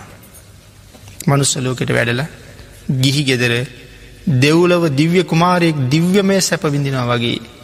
දෙව් සැප හා සමානයි මේ විමාන තුනක් උන්වහසිට තියෙනවා මාලිගත් වුණ අපි බොස්සතණන් වහසිට වගේ මේ මාලිගත් වනට වෙලා බිඳින සැප දෙව්ලොව සැපතියෙන්නේ අපි බුදු පියණන් වහන්සේ ගිහි ගෙදර කොච්චර කල්ද? අවුරදු විසි නමයයි දීපංකර බෝසතණන් වහස ගිහිදර අවුරුදු දහදාහයි. දහදාහක් කල් ගිහි ගෙදර දිව්‍ය විමානයක තියෙන සැප විඳල එක දවසක් උයනට යනකොට ලෙඩෙක් මහල්ලෙ මළමිනියක් මේ දේවපුත්‍රයෝ තුන් දෙෙන දකිනවා. සඳහන් කරලා නැහැ පැවිදිරුවක් දැක්ක කියලා. එවුනාට මහා පදාන ආදී සූත්‍රවල සඳහන් කරනවා බුදුවරුන් සම්බන්ධව මේ තියෙන සියලුම නිමිති එක හා සමානයි කියලා. එතන එහෙම සමානයි කියල සඳහන් කරහම ඒමනම් උන්වහසත් පැදිරුවක් දකිින්ට ඇති මෙතන සඳහන් කළ නැතිවුණට. නමුත් අටකතාව සඳහන් හැටියටම විස්තර කළොත් මේ දේවදූතය තුන් දෙනා දැකලා අප්‍රමාණ කල කිරීමකට පත්වෙනවා. ආපොහු සැරයක් උයන් කෙලියට යන එක නතර කරලා මාලිගාවටයනවා. සඳහන් කරනවා රම්මවතී නුවර මහා සුදස්සන නගරය හා සමානයි කියල සඳහන් කරන අරම්මෝතිනුවර සුදස්සන නගරේ ගැන අපිට ඉදිරියට සාකච්ඡා කරන්න දෙනවා භාග්‍යතුන් හසගේ පරනිර්වාණ ඇත්තෙක්. මහා සුදස්සන නගරේ පිළිබඳ විශාල දේශනාවක් සඳහන් කරනවා. තනිකරම දෙව්ලවක් මේ සුදස්සන නගරයේ අපිට දෙව්ලවක්. එති මේ කුසිනාරාවේ භාගිතුන් හස පිරිනම් පානෙත්තේ වගේ සුවිශේෂී හේතුවක් නිසා. ආනන්ද ස්වාමීන් වහසේ සඳහන් කරනවානේ. භාග්‍යතුන් වහන්සේ විශාලාව වගේ රජගහනුවර වගේ සැවැත්නුවර වගේ විශාල නගර තියෙනකොට භාගිතුන් වහන්සේ ඇයි මේ පුංචි නුවරක පුංචිනුවරක පිරිනුවම් පාන ලැස්තිවෙන්නේ. එලා කියන ආනන්ද මේක අද පුංචි වුනාට මේක පුංචි නුවරක් නෙමෙයි. මමම මමම මේ නගරේ හයවතාවක් සක්විති වෙලා තියෙනවා කියල සඳහන් කරනවා. එදා මම සක්විති වෙලා අපවත්තුනෙත් මේනුවරමයි එලයි කාරණාව වෙනම වෙනම සඳහන් කරනවා. එන එතන සඳහන් කරනම සුදස්සන නගරය හා සමානයි රම්මෝති නගරී කියලා. ඒ සිරිය දැකල නගරයට ඇවිල්ල තමන්ගේ ඇත්ගොවට ආපහු කතා කරල කියන පුතේ මගේ ඇත්්‍යයානය ආයල් හැති කරපන් කියලා. මෙයාල හැත්ති කරන ඇත්්‍යයානය මේ අතාගේ පිටේ නැගලා එක ඇතෙක් එක්කන මේ උයන් සිරි නරඹන්නම යයන්නේ මේ ඇතාගේ පිටේ නගෙනකට ඇත්තු අසූ හතරදාහක් පීවරනවා රජ්ජු බොසතණන් වහන්සේ ඇත්තු අසූ හතරදාහම දිව්‍යමය ආභරණෝලින් සැරසවා හා සමානුව සරසලයින්නේ. තමන්ගේ මංගල හස්තියගේ පිටට නගින් දෙනවා බෝසතණන් වහන්සේ. මේ වෙලා බෝසතණන් වහස අලංකාර කරනවා. කවද බෝසතණන් වහස අලංකාර කරන්නේ. අද අපි එක් ජීවිතය එක එක අවස්ථාවන් වල තව කාටහරි කියලා අපි අලංකාර කරව ගන්නවා. මේ වෙලා බෝසතණන් වහස අලංකාර කරන්නඩෙන විශ්වකර්ම දිවිය පුත්‍රයා. සඳහන් කරනවා දීපංකර බෝසතාණන් වහන්සේ දිව්‍ය කුමාරයෙක් වගේ සැරසවා කියලා. සරසලා තම යතගේ පිටේගෙන් හිට තියන්නේ. දැම් මේ දිව්‍ය සිරියෙන් දිවිය පුත්‍රයෙක් මනුලව ඇතෙක් පිටේ යනවා වගේ උයනට ගිහිල්ල ඇතාගේ පිටෙන් බැහල ටික වෙලාවක් උයන් සිරි නරබලා ගල් තලාවක ගිහිල්ල වාඩියනවා. ගල්තලායි වාඩියනකොට ශ්‍රීනාශ්‍ර වූ මහා බ්‍රහ්මරාජයෙක් අරගෙන අෂ්ට පරිෂ්කාරයක්. මේ අෂ්ට පරිෂ්කාරය අරගෙන ඇවිල්ල මේ ශ්‍රීනාශ්‍රෝ බ්‍රහ්ම රාජයා උන්වහසේ ඉදිරී දෘශ්‍යමාන වෙනකොට අහනෝ ඔය මොනෝද කියලා. එවෙලා කියනවා මහා බ්‍රහ්මය මේ අරන්ගෙන්නේ. එවෙලා කියන ශ්‍රමණ පරිෂ්කාරය. පිළිගණ්ඩ භාරගන්න ශ්‍රමණ පරිෂ්කාරය. නැගිටිනවා. කුණ්ඩල සහිත කෙස් කළම කපල හසට විසික්ක කියල සඳහන් කරන කුණ්ඩල කියල සඳහන් කරන්නේ කෙස් වැටිය බැඳල ඉඳල තියෙන්නේ. ඉහලට එකතු කරලා ගුලියක් වගේ බැඳල ඉඳල තියෙන්නේ. මංගලාසිප තරගෙන කෙස්වැටිය කපලා අහසට විසි කරනකොට සක්‍ර දෙවේන්ද රත්තරං කරඩුව කරගෙන විල්ල බාරාරගෙන මහවර පර්වතය මුදුනේ යොදුන් හැතැක්ම හතලිස් අටක් උස මානික්‍යමය රතනමය චෛත්‍යරාජය කදලා මේ වෙලා මේ කුණ්ඩලේ සහිත කේස මකුට කියන චෛත්‍යය නමින් හදල චෛත්‍යය කදල තැන්පත් කිරුව කියලා සඳහන් කරනවා. ඊට පස්සේ අරෂ්ට පරිෂ්කාරය ඇඳල සලු සඟල ගලෝලා හසට විසිකිරුවා. සලු සඟල මහා බ්‍රහ්මයා විසින් පිළියරගෙන දෙව්ලවට ගෙන හිල්ලා ස්වර්ණමය චෛත්‍යයක් රත්තරං චෛත්‍යයක් යොදුන් දොලා කුසයි. හැතැක්ම එකසි අනු දෙකක් කුසයි. මේ චෛත්‍යයේ මේ සලු සඟල තැන්පත් කරලා සෑයක් හැදුව කියල සඳහන් කරනවා. එහෙම ලෝක දහතුව කම්පා කරෝමි උන්වහන්සේ ශෙස්සරලාම පැවිදි ජීවිතයට ඇතුල් වෙනවා මේ උයනිදී. මහා බඹ දුන්න ශ්‍රමණ පරිෂ්කාරය අරගෙන. ඉතින් අද ධර්ම දේශනාවට තියෙන කාලේ මෙතනින් නිමා වෙලා තියෙන නිසා. මේ ධර්ම දේශනා මාලාව මේ දේශනාව අපි මෙතනින් නිමා කරන්න සූදානම් වෙනවා ඉතුරු දේශනාවක් නැවත ඉදිරියට සාකච්ඡා කිරීම අරමු නැතුව දීපංකර බුදු පියාණන් වහන්සේ මොනතරං ආශ්චරිද කියෙන කාරණාව අපි සාරංශ වශයෙන් මේ දේශනාව විදි සාකච්ඡා කරමු.